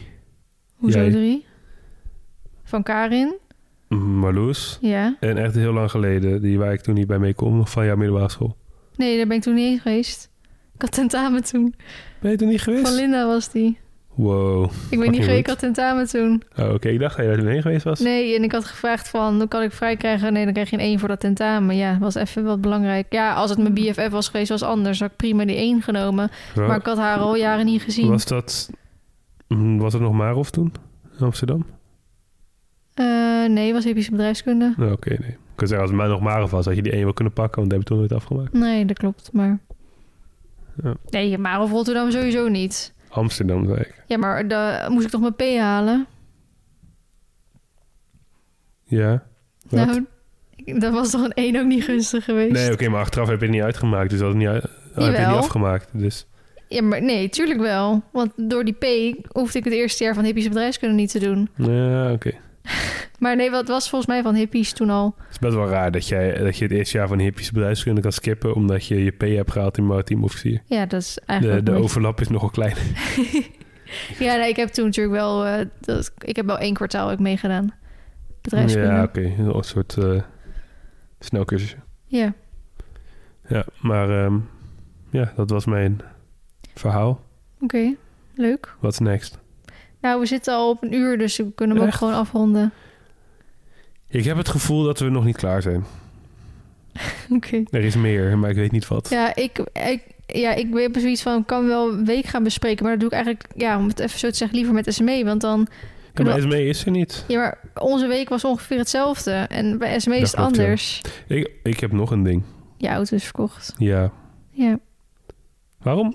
Dit wil ik zelf zeggen. Dit is groot nieuws, ja. Oké, Ik dacht, even ik ga opnieuw. het een beetje Heb je nog iets te vertellen, babe? Ik heb iets heel belangrijks te vertellen. Vertel. ik ben eh, mijn grote liefde verloren. Je grote liefde verloren. Nee, nee maar ik, ik heb dus mijn auto verkocht. Dus we hebben nu nog maar één auto. Ja. Voor, ik zal een beetje context geven. Ik heb vijf jaar lang deze auto gehad. Het was een Alfa, Romeo. QV. Mhm, eh, spo- een sportief uh, Quad, eh, Quadrifoglio Verde. Kan niet uitspreken. Een sportief modelletje. Mhm. En die Met kocht ik klavertje 4. met een klavertje 4. Het is een beetje een soort van... Zoals Volkswagen heeft GTI. En dan is dit zeg maar de sportversie bij Alfa Romeo. Oké. En die heb ik vijf jaar geleden gekocht. Eigenlijk zodra ik ging werken. Mhm. Veel fun mee gehad. Alleen, sinds wij hier wonen... ben ik eigenlijk altijd gewoon hier bezig. Ja, Dus ik ga veel minder de deur uit dan zoals toen we in het appartement woonden. toen we in het appartement woonden. En als ik nu de deur uit ga, is het vaak met jou. En dan pakken we gewoon de Tiguan. Ja. Dus het kwam erop neer dat eigenlijk in de afgelopen twee jaar... ik steeds minder en minder met die auto ging rijden. Ja. En qua maandelijkse kosten kosten die me helemaal niet zoveel. Want de verzekering is niet zoveel, wegenbelasting is ook niet veel. Nou, één beurtje in het jaar, dat valt ook wel mee. Hmm. Dus voor het geld ging het, ging het eigenlijk niet eens. Maar ik vond het gewoon zonde eigenlijk, dat hij zoveel stil stond. Hmm. Dus toen heb ik echt een jaar lang zitten wikken en wegen van... ja, ga ik het wel doen, ga ik het niet doen? Volgens mij heb je hem toen... ehm, twee jaar geleden wilde je hem ook al een keer verkopen, volgens mij. Of een jaar geleden. Heb je zelfs nog foto's gemaakt, weet je nog, met Robert toen? Nou, dat is al langer geleden. Toen zat je er ook over te twijfelen om te verkopen. Mhm, klopt, Toen- ja. Toen heb ik het niet niet gedaan. Achteraf ook wel blij om, omdat ik hem daarna nog wel veel gebruikt heb. Veel plezier van gehad heb. Maar nu was het gewoon echt, als ik erin reed... dan was het dat ik dacht van... oh ja, laat ik hem maar even pakken, want dan staat hij zo lang stil. Ja, zelfs dat als jij weg was, dat ik hem dan moest pakken. Anders stond hij ook vijf weken stil. Ja. Dat, ik, dat ik er dan in reed, dacht ik, dacht, ja, ik zit nu eigenlijk liever in Gwan. Maar er is natuurlijk ook een verschil. Voorheen had ik BB, mijn Ford Ja. Kuga. En dat is ook een prima auto. Maar het was echt, BB was echt van mij. En, en Alfie was echt van jou. Ja. En Gwan hebben we nu een soort van samen gekocht natuurlijk. Dus als we dan gingen, dan gingen we eigenlijk altijd met Gwan. En voorheen Ja. gingen we dan nog wel eens ook met Alfie. Ja, want wat ook wel is... BB. ja, ja, Ford Kuga was dat. Die had geen cruise control. Hmm. En die stoel die kon echt niet ver genoeg naar achter voor mij. Hmm. Dus ik reed daar gewoon niet zo heel lekker in. Zeker lange afstanden niet. Dus op een lange afstand pakte ik liever die Alfa. Want thuis, thuis zat ik wel echt heel goed in. Ja, en ik zat daar dus echt heel kut in. Want ik vind het dus vreselijk om zo laag op de weg Ja. te zitten. Omdat ik ehm, gewoon echt last heb van het licht van tegenliggers in mijn ogen Mhm. dan. En ik zie ook niet genoeg ehm, op de weg als in het licht wat voor me... Als ik ergens rij waar geen verlichting Ja, is... die koplamp waren wel een beetje shitty. Ja, dan zag ik echt gewoon maar een paar meter voor me. Dus ik durfde gewoon niet de, de, de snelheid te rijden die daar mocht. Omdat ik gewoon niet genoeg zag daarvoor. Oké, dat is alleen in het donker. Ja. Maar overdag had je daar geen last van. Nou, die En- ruitenwissers, als het regende. God, als het regende pakten we hem ook graag niet. Nee, die ruitenwisser maakt een beetje veel herrie. Maar daar moest eigenlijk denk ik gewoon een keer nieuw rijden tussen bladen op. Dat heb ik gewoon nooit gedaan. maar anyways, ik zat er wel echt lekker in. En had gewoon cruise control. Dus ik pakte eigenlijk dan vaak liever die als ik wat verder weg moest. Alleen toen kocht ik gewoon. En in gewoon zit ik ook gewoon prima. En gewoon heeft adaptieve cruise control. En gewoon heeft een scherm. En bluetooth en lane assist en alles op en eraan. Dus die is gewoon veel chiller voor lange afstand. Hmm. Dus nu was in één keer Alfie ook niet meer mijn voorkeursauto... als ik wat verder weg moest. Dus ik gebruikte hem echt alleen nog voor ritjes in de buurt... en gewoon fun ritjes. Ik moest hem laatst, moest ik toen stond gewoon bij de garage volgens mij. Met die voorruit misschien. Weet ik niet meer. Toen moest ik eh, met Alfie naar, ehm, naar België toen rijden. België. Ja, ja, ja, ja. Of had jij gewoon mee? Ik weet het niet meer. Maar ik moest toen Polly ophalen om in België die opnames te hebben. Toen heb ik nog die smoothie laten vallen. En ik moest... Oh ja, en ik moest hem ook nog laatste keer met Fabienne had ik hem ook mee. Naar Dronten volgens mij. Ik had ik hem mee naar Dronten. Ik denk oprecht dat jij meer kilometers mee gereden hebt... het afgelopen jaar dan ik. En ik moest er zo ook aan wennen dat ik geen lane assist meer had en geen adaptive cruise control. En toen zei ik dat zo tegen Fabienne. Toen moest ze hardop lachen als in van Vlie, je bent echt verpest. Ik moet heel eerlijk bekennen dat ik als ik er dan in reed... met gewoon normale cruise control... dan vind ik dat Loki eigenlijk wel chiller dan adaptief. oh nee, ik voelde me echt heel onveilig. als ik die adaptief op. Ik vind het zeg maar kut als, als iemand. Ik rij, zou ik rijden op de linkerbaan en ik ben aan het inhalen. En iemand anders die gaat van rechts naar links om ook iemand in te halen. Dan die adaptieve cruise control, die gaat dan al best wel snel afremmen. Hmm. Om die afstand te houden op de voorganger. Terwijl ik met mijn grote cruise control zou ik gewoon door kunnen rijden met snelheid die ik deed. En dan was hij toch al wel weer naar rechts gegaan tegen de tijd ja, dat of ik niet. daar- En je moet in één keer vol op de rem, omdat je anders erachterop klapt. Ja, maar dat zie je dan wel. Nou, ik vond niet fijn. Dus ik heb het, ik heb het gevoel dat ik minder hard kan met adaptief cruise control. Omdat die te Mm. veilig rijdt eigenlijk. Mm, Daar komt neer. vervelend ook. Ja, vind ik echt heel vervelend, die veiligheid. I don't like it. Nee, maar goed, die heb ik dus verkocht. En wat nice was, is dat ik er gewoon echt een mooie prijs voor kreeg. Ja, Ik eh, heb echt niet veel afgeschreven in vijf jaar tijd. kan je wel gewoon zeggen, toch? Oké, ik kocht hem vijf jaar terug voor 9000 euro. Hmm. En ik heb, hem- en ik heb hem verkocht aan de, aan de garage, want ik had geen zin om hem, om helemaal moeilijk te gaan doen met particulier. Dus je krijgt natuurlijk altijd iets minder voor dan wanneer je hem particulier verkoopt. Mhm. Want ja, die garage moet ook gewoon winst maken uiteindelijk. Ja. Dus die gaf me er 7000 euro voor. Dus ja, dat, is, dat is echt prima. dat is ik, 2000 euro afschrijving in vijf jaar tijd. ik kocht BB voor 13, 13 toch? of 14.000 euro. En ik heb er nog vier voor gekregen. 10.000 afs- afschrijving. Maar ik had ook veel meer kilometers meegemaakt. Ja. In eh, vijf jaar tijd, zes jaar tijd of zo. Ja, in een beetje vergelijkbare periode. Ja. Dus dat Dus- valt echt heel erg mee. En dat Mhm. heb ik echt nog prima prijs Ja, zeker weten. Ja. Dus uh, nou ja, het is, het is sad, maar 7000 euro bijschrijven is wel weer lekker. Zeker met uh, kozijnen die... Ja. Wanneer is de bouwvak over? Je moet even de aannemer gaan bellen. Ja, als, als er vakantie over is. Ik wil weten waar ik aan toe ben. Ja, nou, als er vakantie over is, zal ik hem bellen. Oké. Dus um, ik moet weer even kuchen. Even kuch, kuchpauze. En dat was weer de kuchpauze. Mhm. Um, ja, we hebben nu nog maar één auto. Ja. En ik ben heel benieuwd hoe dat gaat bevallen. Nou, kijk, in theorie hou ik onze agenda bij. Dus ik, dat ik- vind jij. nee, dat is zo. Dus ik kan zien en besluiten wie wanneer die auto nodig heeft. Maar net zoals inderdaad gisteren, toen liep ik er voor het eerst een soort van tegenaan. Ook wel logisch, want jouw auto is pas sinds een paar dagen weg. Maar gisteren had jij dus de auto heel dag mee, omdat je naar die vrijgezellenfeest ging. Mhm. En toen dacht ik, oh, ik ga even boodschappen doen. En kijk, nu zal iedereen denken, Vlien, je kan toch ook gewoon boodschappen op de fiets doen? Kijk, hier is op zich de... We wonen in een dorp waar geen supermarkt is. Ja, de Spar, maar daar ga je geen weekboodschappen doen. Nu is op zich hier in Eerbeek gewoon een, een eh, supermarkt. Dus het is niet heel ver fietsen. Hè? Nee, Meestal nog geen 10 minuten. kan het zijn dat, dat als je in een dorp woont... de supermarkt fucking ver fietsen is. Maar als ik in theorie maar drie dingetjes nodig had... dan had ik inderdaad gewoon mijn tasje zo voorop gedaan. En dan had dat wel gekund. Maar wat ik zeg, ik ging weekboodschappen doen... en nu is dat alsnog niet een kar vol of zo hoor. Want we hebben Hello Fresh, dus ik hoef ook qua avondeten hoef ik nooit wat. Maar wel gewoon qua ontbijt. Echt letterlijk alles in dit huis was op. Dus ik moest echt best wel even wat halen. Dus ik had wel echt gewoon twee, drie volle tassen en ook best wel zwaar. Hoe de fuck had ik dat meegenomen fiets? Ja, dan moest ik fietstassen en eh, mandje. En dat hebben we allemaal hier niet. Dus wij zijn daar niet op ingericht, zeg maar, om op de fiets ook grote dingen te moeten mee kunnen nemen. Dus, me, dus toen dacht ik wel, ik had, ik had gewoon heel erg in mijn hoofd ja, ga ik even boodschappen doen, dan ga ik dit en dat. En toen dacht ik in één keer, kut, maar ik heb helemaal geen auto. En dat was voor het eerst ik echt zo even zoiets had van, oh shit. En, maar ja, mijn moeder was hier dus dit weekend. Dus ik zei, mam, mag ik jouw auto even meenemen? Dus dat kon gewoon. Dus dat, ehm, dat scheelt. Maar we moeten het ook even met je ouders erover hebben. Want Sjoerd, we hebben het al vaker gehad met zijn ouders erover. Want zijn ouders, Sjoerd's ouders hebben ook twee auto's. En wij hadden twee auto's. Ja, dus wel hier voor vier personen hadden we vier auto's Ja, staan. dat is is natuurlijk eigenlijk... Als je echt alle vier een baan had... en je moest allemaal ergens overal heen... dan was het nog zoiets. Maar ik werk thuis. Sjoerd werkt op zee. Je vader is met pensioen. Mijn moeder is met pensioen. Je moeder is nu met pensioen. Nergens op. op. Dus we hadden het al vaak over gehad van nou, wie gaat er een auto eventueel wegdoen. Nou, eigenlijk was altijd wel dat Sjoerd dat zou doen, want ik kan mijn auto niet wegdoen, want ik moet paardentrailer kunnen trekken. Onze auto. Ja, maar toen de tijd van BB was dat nog. Ja, oké, ja.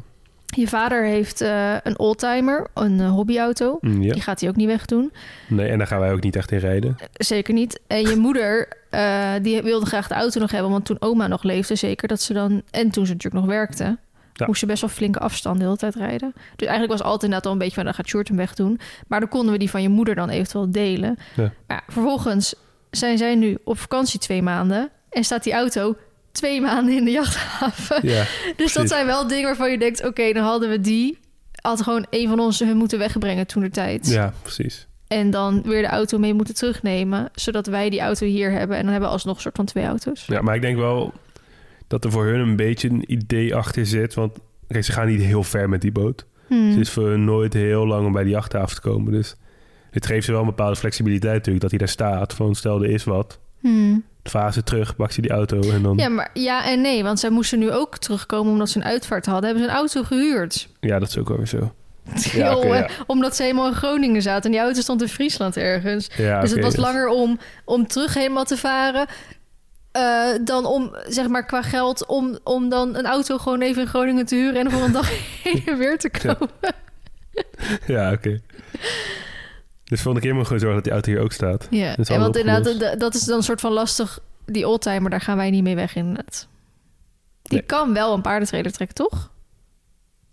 Eén paard dan. Ja, met één paard erin. Maar, we hebben het wel eens met je vader over gehad toen jij ehm, met Gwan in Schot Schotland was, al een Mhm. week eerder, heb ik inderdaad toen gezegd ehm, tegen Barbara, dus jouw moeder, van is dan die Volvo beschikbaar? Want stel, ik moet dan weg. Ik had wel zeg maar niks gepland dat ik weg moest, maar stel je moet in één keer naar de kliniek toe of wat dan ook, kan ik dan die Volvo pakken? Nou, toen was je moeder dus ook die week precies weg.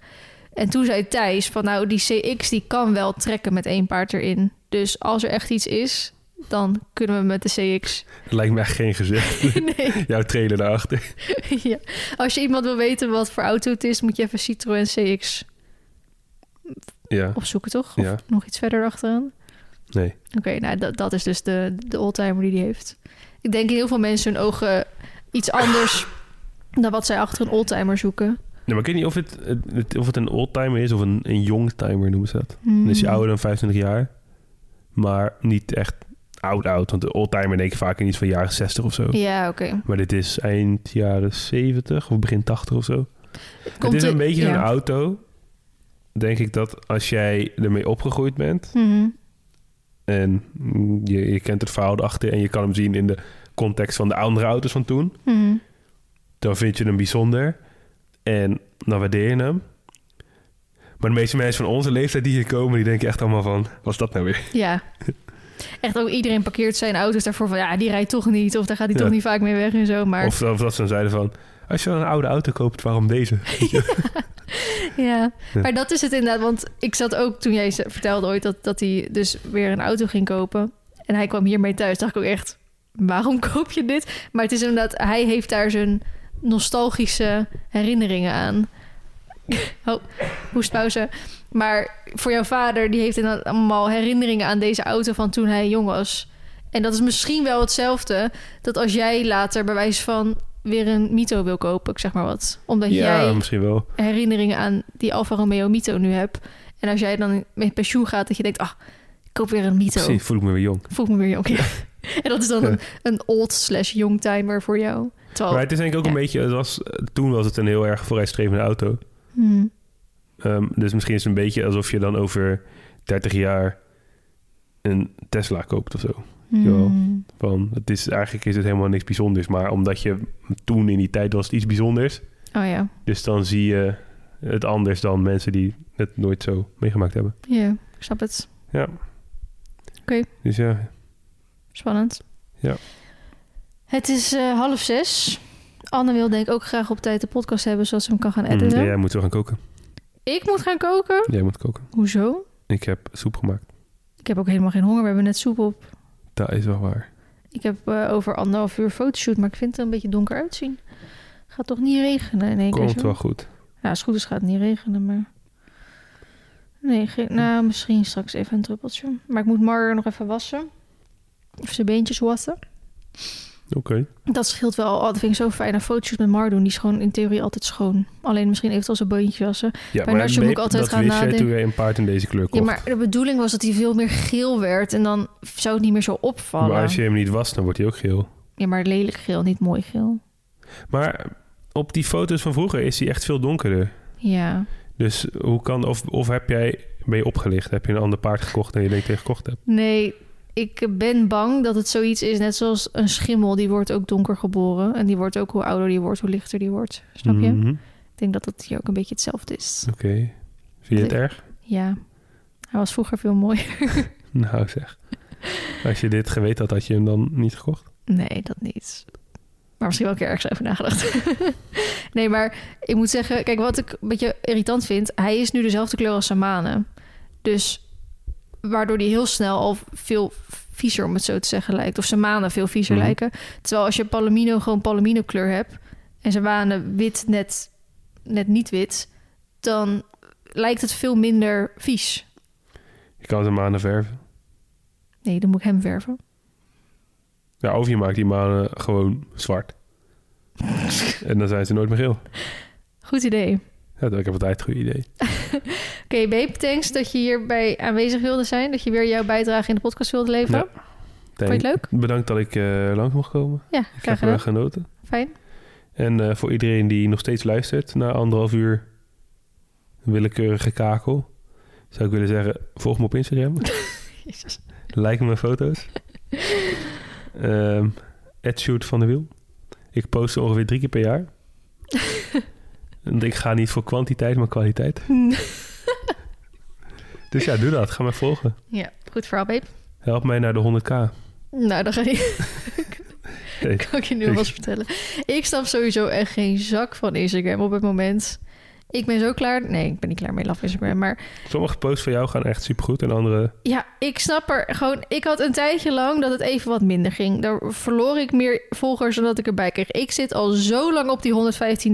Dat is echt niet normaal. Nee, maar we we moeten positief bekijken. Er zijn ook, ik ga geen namen noemen, maar ik weet van een account wat al heel lang probeert om 100.000 te halen. Hmm. En wat ook al heel lang gewoon steady op 98k zit. En dan gaat het eventjes 98,1. En een 98. Ja, oké, het is wel kutter als je inderdaad net daarvoor Precies. zeg maar zit. Jij bent steady op een goed... Ja, ik snap Punt. wat je bedoelt. Maar ik, ik heb volgens mij een enkele keer wel even de 116 aangetikt. Ja. En, maar ik heb toen, toen is het heel even gezakt. Zat ik weer op 115. En toen heb ik zelf een keer die spookvolgers verwijderd, weet je nog? Of tussen die, eh, die inactieve accounts. En toen heb ik er dus gelijk 500 of zo verwijderd. Waardoor ik dus inderdaad nog dus weer 500 minder volgers had. Ja, dat doe je ook zelf dan. I know, maar Instagram is gewoon erg moeilijk op het moment. En nu gaat het met mijn volgers, dat groeit weer, want dat kan je zien op zo'n app. Ehm, maar nu was ik er weer best wel veel aandacht aan het besteden. Dan zie je ook gelijk dat het weer werkt. Mhm. En afgelopen week, op, op vandaag na, dus ik weet niet of hij het misschien gewoon niet goed heeft getrokken, maar dan ging het in één keer weer naar beneden tot aan de min zelfs. Dus en- Beneden tot, naar beneden tot aan de min. ja. Dat in de groei ging naar beneden. Ja, tot, ja, de groei als in dat ik eer, die ene dag had ik 14 volgers per dag erbij, toen 8, toen 5, toen 1 en dan weer min 1. Maar ja, dan die dag erna weer plus 23. Mhm. Dus heeft hij dat dan niet helemaal eh, goed verdeeld? Of ja, hoe zeg je dat? Dat in één keer van twee dagen in één keer erbij heeft gepakt of zo? Of hoe werkt dat? Maar mijn post zelf, dan gaan sommige gingen in één keer weer boven de 10.000. Dat ik denk, oké, fijn. Maar nu had ik die superleuke foto van Marley en Nacho en mij samen. Nou, dat zou echt een foto zijn die normaal gesproken echt een van de beste gaat doen. Die zit na drie dagen nog steeds op de 9000. Dat ik echt denk, waar slaat dit Maar op? Ik kan me een periode herinneren dat eigenlijk al jouw, al jouw posts 10.000 likes pakte. En is die zelfs... Ik zat eigenlijk altijd boven de 10. Als een foto het goed deed, zat hij rond de 15. En was het echt, echt, echt een topper... dan ging die richting de 20. Ja. Nou, die dagen zijn echt voorbij... door dat fucking algoritme van Instagram. Maar je kan natuurlijk ook je, je content aanpassen. Als je echt heel graag meer likes wil. Ja, maar dat, ik wil engagement. Mhm. Ik wil niet... En dat is best wel moeilijk. Allebei. Misschien moet je de, de, dezelfde richting opgaan als Erin Williams. Gooi even een bikinifoto tussendoor en zo. En dan doe je steeds meer bikinifoto's en steeds minder, minder paardendingen. Mm. Klinkt als een goed plan. Ik denk dat je daar echt een nieuwe doelgroep aanboort. Ja, joh. Ja.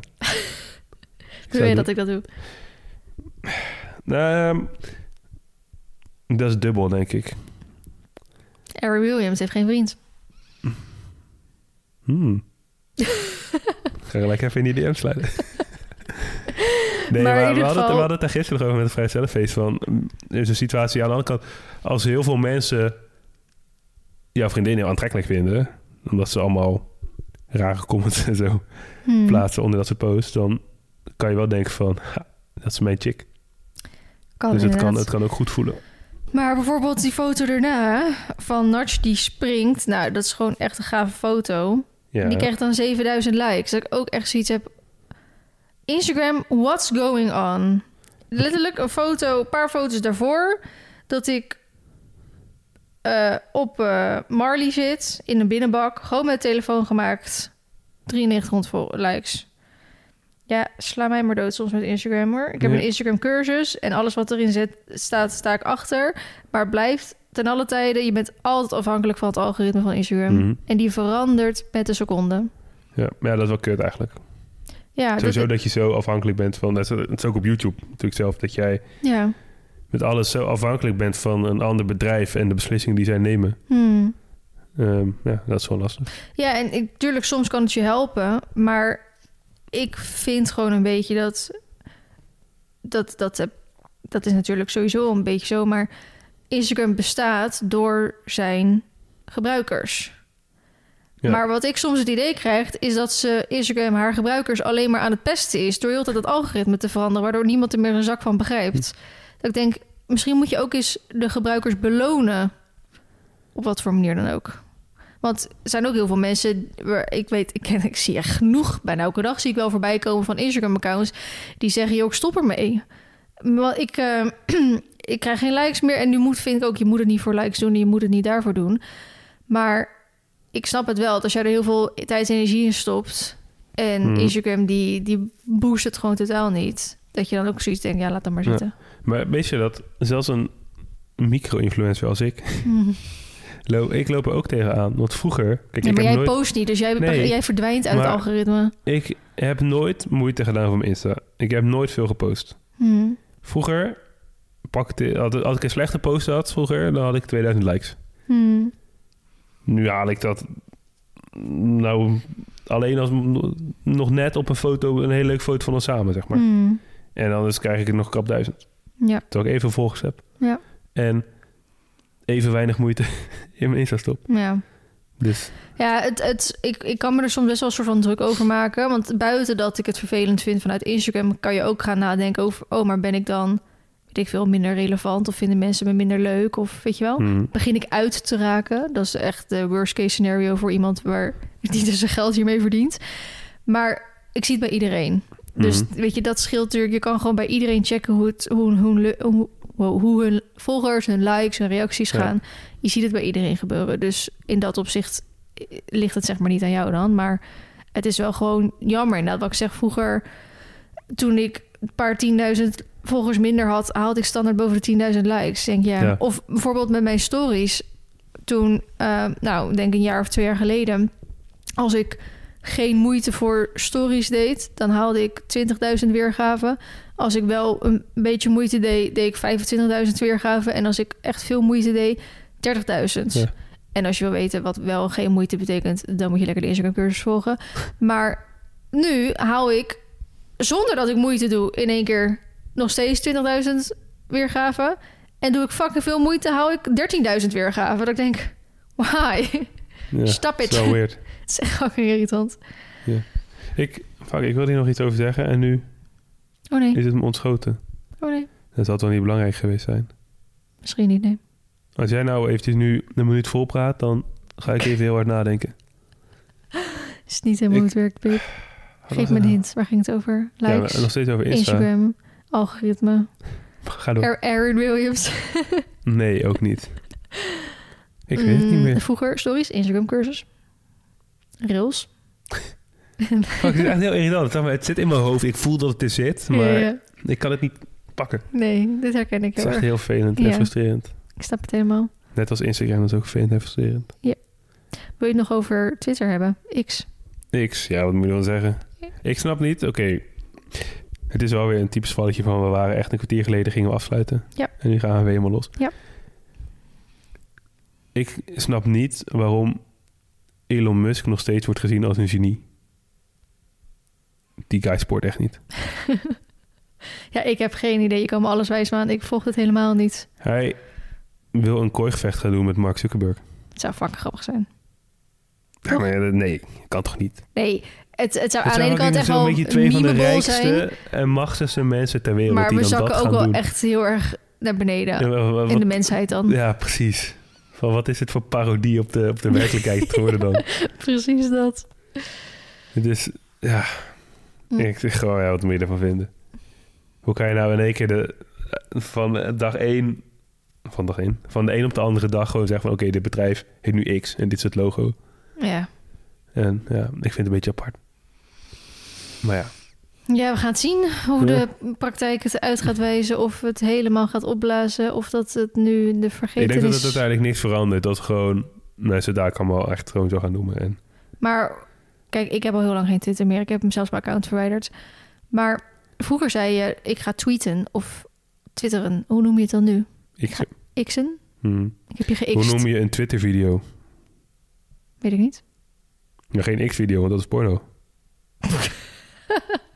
Is dat zo? Dat is ik heb ook geen idee. Nee, dat weet je vast niet. Oh, ik weet, ik Hoe heb, weet jij dit? ik weet wat ik net wilde zeggen. Oh, oh, oh, nice. Ik heb dus best wel vaak, we gaan weer even terug naar Instagram, Ja, ja. ook al bij een ander onderwerp. Soms dan kom ik per ongeluk op een pagina terecht van iemand die ik volg, omdat ik, nou weet ik veel, een reactie per aantik of zo. Hmm. En dan zie ik in één keer allemaal posts die ik nooit gezien heb. Oh, ja, ja. En dan denk ik van, waarom laat je mij dit niet zien? Ja. Ik volg deze persoon. Ik heb aangegeven dat ik geïnteresseerd ben, dat ik hun post wil zien. Hmm. Waarom krijg ik dit niet te zien? Maar wel allemaal random andere bullshit. Dan zeggen ze, misschien vind je dit ook leuk. Ja, En dan zijn het mensen die me totaal niet boeien. nee, klopt. Dat is gewoon bullshit. Als ik iemand volg, dan wil ik een post zien. Klaar. Volgens mij, ja, ze zijn er wel mee bezig, toch? Dat je iemand kan favorieten of een soort abonnement. Ja, maar dat zou dan niet doen. nodig moeten zijn. Je Nee. favoriet zit toch al door ze te volgen? Ja, tenzij eh, je natuurlijk ben je voor jou en dan klik je op favorieten, die ik dus niet heb. Dan klik je dus niet daarop, dan klik je op volgend. En dan zie je dus alles wat er zeg maar te- echt op chronologische volgorde Mhm. wordt eh geüpload. Ehm, en dat zou je dan Hoe- in theorie, je als je op als je gewoon je Instagram pagina voor je hebt, dan heb je linksboven voor jou met een pijltje staan. Daar klik je op. Laat zien. Voor jou, linksboven. Nee. Linksboven heb je voor jou staan. Nee. Jawel. Waar? Ja, klik gewoon op Instagram dan. Ja, en dan heb ik volgende en favorieten. Ja, dan moet je dus op volgend klikken.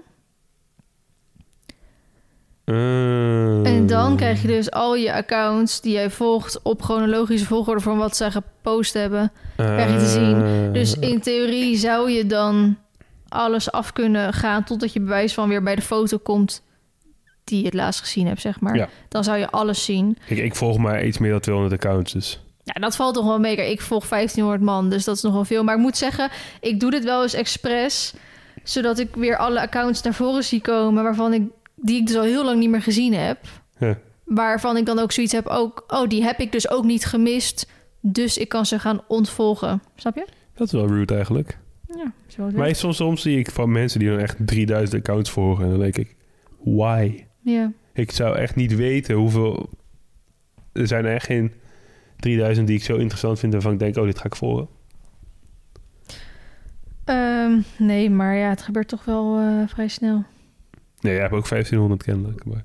Ja, maar ik moet zeggen, ik scroll dus nu even overheen. Ik ben er nu al twee tegengekomen waarvan ik denk... ja, deze personen boeien me eigenlijk niet meer. Of nou, het zijn vaak geen personen, het zijn vaak eh, bedrijven of zo... of merken Mhm. of zo, waarvan ik denk... ja, dit vond ik toen leuk en nu eigenlijk niet meer. Dus Ja, precies. ik hoef het eigenlijk niet meer te zien. Dus dat... dat maar ik snap, eh, ik snap je punt, babe. Ja. Ik heb ook wel eens dat ik eh, dezelfde foto zie. Dus Van hetzelfde. nou, dat ik, die heb ik dan al een keer gezien. En dan de volgende dag komt hij gewoon weer opnieuw in mijn Maar feed. staat er dan niet van, dit heb je al gezien? Nee, er- dan zie ik wel dat ik hem al geliked heb. Maar dan kom Ook ik hem gewoon weer... apart. Ik denk, dit slaat dus echt nergens op. Nee. Dus dat vind ik irritant. Of eh, foto's van eh, bijvoorbeeld, het is nu 13 augustus... dat ik dan in één keer foto's voorbij zie komen van twee maanden geleden. Ja, dat heb ik ook. Dat ik denk, ja, dit hoeft dan ook weer niet. Had me dan gewoon toen laten zien. Ja. En niet twee maanden later. Nee, dat ben ik helemaal met je eens. Yep. Maar ja, dat is gewoon het algoritme. Niemand weet hoe het echt werkt. Nee, Instagram zelf ook niet eens. Dus Nee. dat is natuurlijk lastig ook wel eraan. En gevaarlijk. Oké, we gaan nu wel echt afsluiten. Ja. Want ik, heb, ik moet over minder dan een uur al weg. Ik hoe moet de lang, zijn jurk we, ook hoe nog lang zijn we bezig? Een uur en 33 minuten. Nice. En ik moet ook nog mijn jurk strijkstomen. Dat ding is hartstikke synthetisch, toch? Ja, dus Aisha had gezegd dat ik hem moet stomen met de strijkijzer. Kan dat? Onze strijkijzer? Tuurlijk. Oké, nou. Succes ermee. Ja, dankjewel. Zet, zet het huis niet in de fik. Ik ga mijn best doen. Ja, we hebben nu rookmelders. Dus. Maar je hebt ze nog niet opgehangen. Maar we hebben ze wel. Bedankt voor het luisteren allemaal. Ja, eh, zoals ik zei, volg me op Insta, van de Wiel. God. En, En, en, like al vele posts, want ze willen heel graag gewoon altijd boven de 10.000 likes. dat zou dus- fijn zijn. Ga, sorry, ga naar @verlienehooi. Like gewoon even alles, scroll even lekker een stukje terug. Like bom die shit. Gelijkbom. Maar eh, ik ben ook benieuwd, want ik heb eh, vrij lang gerant over eh, mensen die zich aanmelden voor collecties waarvan ze zo niet eens Mhm. weten. Ik ben benieuwd of andere mensen dit dus ook is opgevallen. Of wat mensen nu denken, mens, waar zul je over? Nou, daar had ik het dus ook over in wel de, hoe heet dat? WhatsApp groep van die meiden van YouTube Weekje. Dan had ik het ook gestuurd van, had, hebben jullie dit gezien? En toen zei Isa ook van, je, je, je hebt hier toch geen last van, weet je wel? En nee, in theorie heb ik er ook geen last van, maar ik irriteer me er wel. Maar 90% van de dingen die irriteren heb je geen last van, toch? Nee, dat is ook zo. Ik heb geen last van die zonneparken waar ik het over had. Nee, Maar toch irriteert het me. dat is absoluut zo. Dat is juist, het is juist vaak... Het is sowieso is het goed als eigenlijk pas... wel, als je leven zo steady gaat... Hmm. dat dit de dingen zijn. Nou, zijn ook wel andere rechtszaken in mijn leven die... eh, Oké. maar dat is een ander verhaal. ja, ja. Maar to- het is toch lekker dat, dat, dat je over dit soort dingen je kan opwinden, druk maken in plaats van... Aan de ene kant wel. Aan de andere kant is dat wel als iemand anders zich doet... dan heb je altijd zoiets van... jee, waar maak je je druk om? Je hebt er toch helemaal geen last van. Dus heb je niks beters te doen in je leven? Of heb je... Weet je wel? Ja. Maar soms is het lekker om even, even te venten. Daarom doe ik dat in de podcast. Want vroeger had ik hier een story aangeweid. En dan was iedereen boos op me geworden. Ja, misschien word je dat nu ook wel. Misschien wel, ja. Maar nu kan ik meer mijn verhaal doen. Meer de Hmm. uitleg geven. Want nogmaals, het is niet richting het merk. Maar ik, ik vind alles eromheen gewoon. Er, er zijn Mhm. gewoon heel veel haken en ogen. Heel veel losse steekjes. Dat ik, dat ik, maar em, dat is waarschijnlijk alleen omdat ik er zelf mee bezig ben. Dus weet hoeveel tijd en moeite en geld het kost. En dan wordt er nu op deze manier mee omgegaan. Dat I can't. Mhm. Ik heb nog een nieuwtje Om mee af te sluiten dan. om mee af te sluiten. Er zit altijd een vlieg op me. Mhm. Schiet even op. de, de, de, er staat er een nieuwe Hoefijzer video op YouTube. Oh, Mhm. De break is over. Ja, Fenna, die heeft inderdaad een... eh, maar dit is eigenlijk meer om met... Ja, oké, met Esmee te bespreken. Een nieuwtje wil ik eigenlijk zeggen. Oké. Nou, dan zou ik het kort houden. Fijn dat ze weer in de... Zeg je dat? De rust heeft gevonden Ja, om weer verder te gaan. Allemaal blije mensen in de comments, dus dat is wel cute. ja dat is fijn ja, in ieder geval. Positiviteit. Dat hebben we nodig. Precies. Geen gezeur meer. Geen, we gaan niet meer klagen. Gewoon positiviteit. Nee, ik hou best wel gewoon klaar eigenlijk. Nee, we gaan positief afsluiten. dus dat was het nu echt. Dit Ja. is de derde keer dat we afsluiten. Mhm, Prima scheepsrecht. mhm. Ehm, moet ik het nog zeggen? Nee, ga er niet nog een keer doen. Volg nee, hou je mond dicht. Bedankt voor het luisteren en graag tot de volgende keer. Bye! Bye.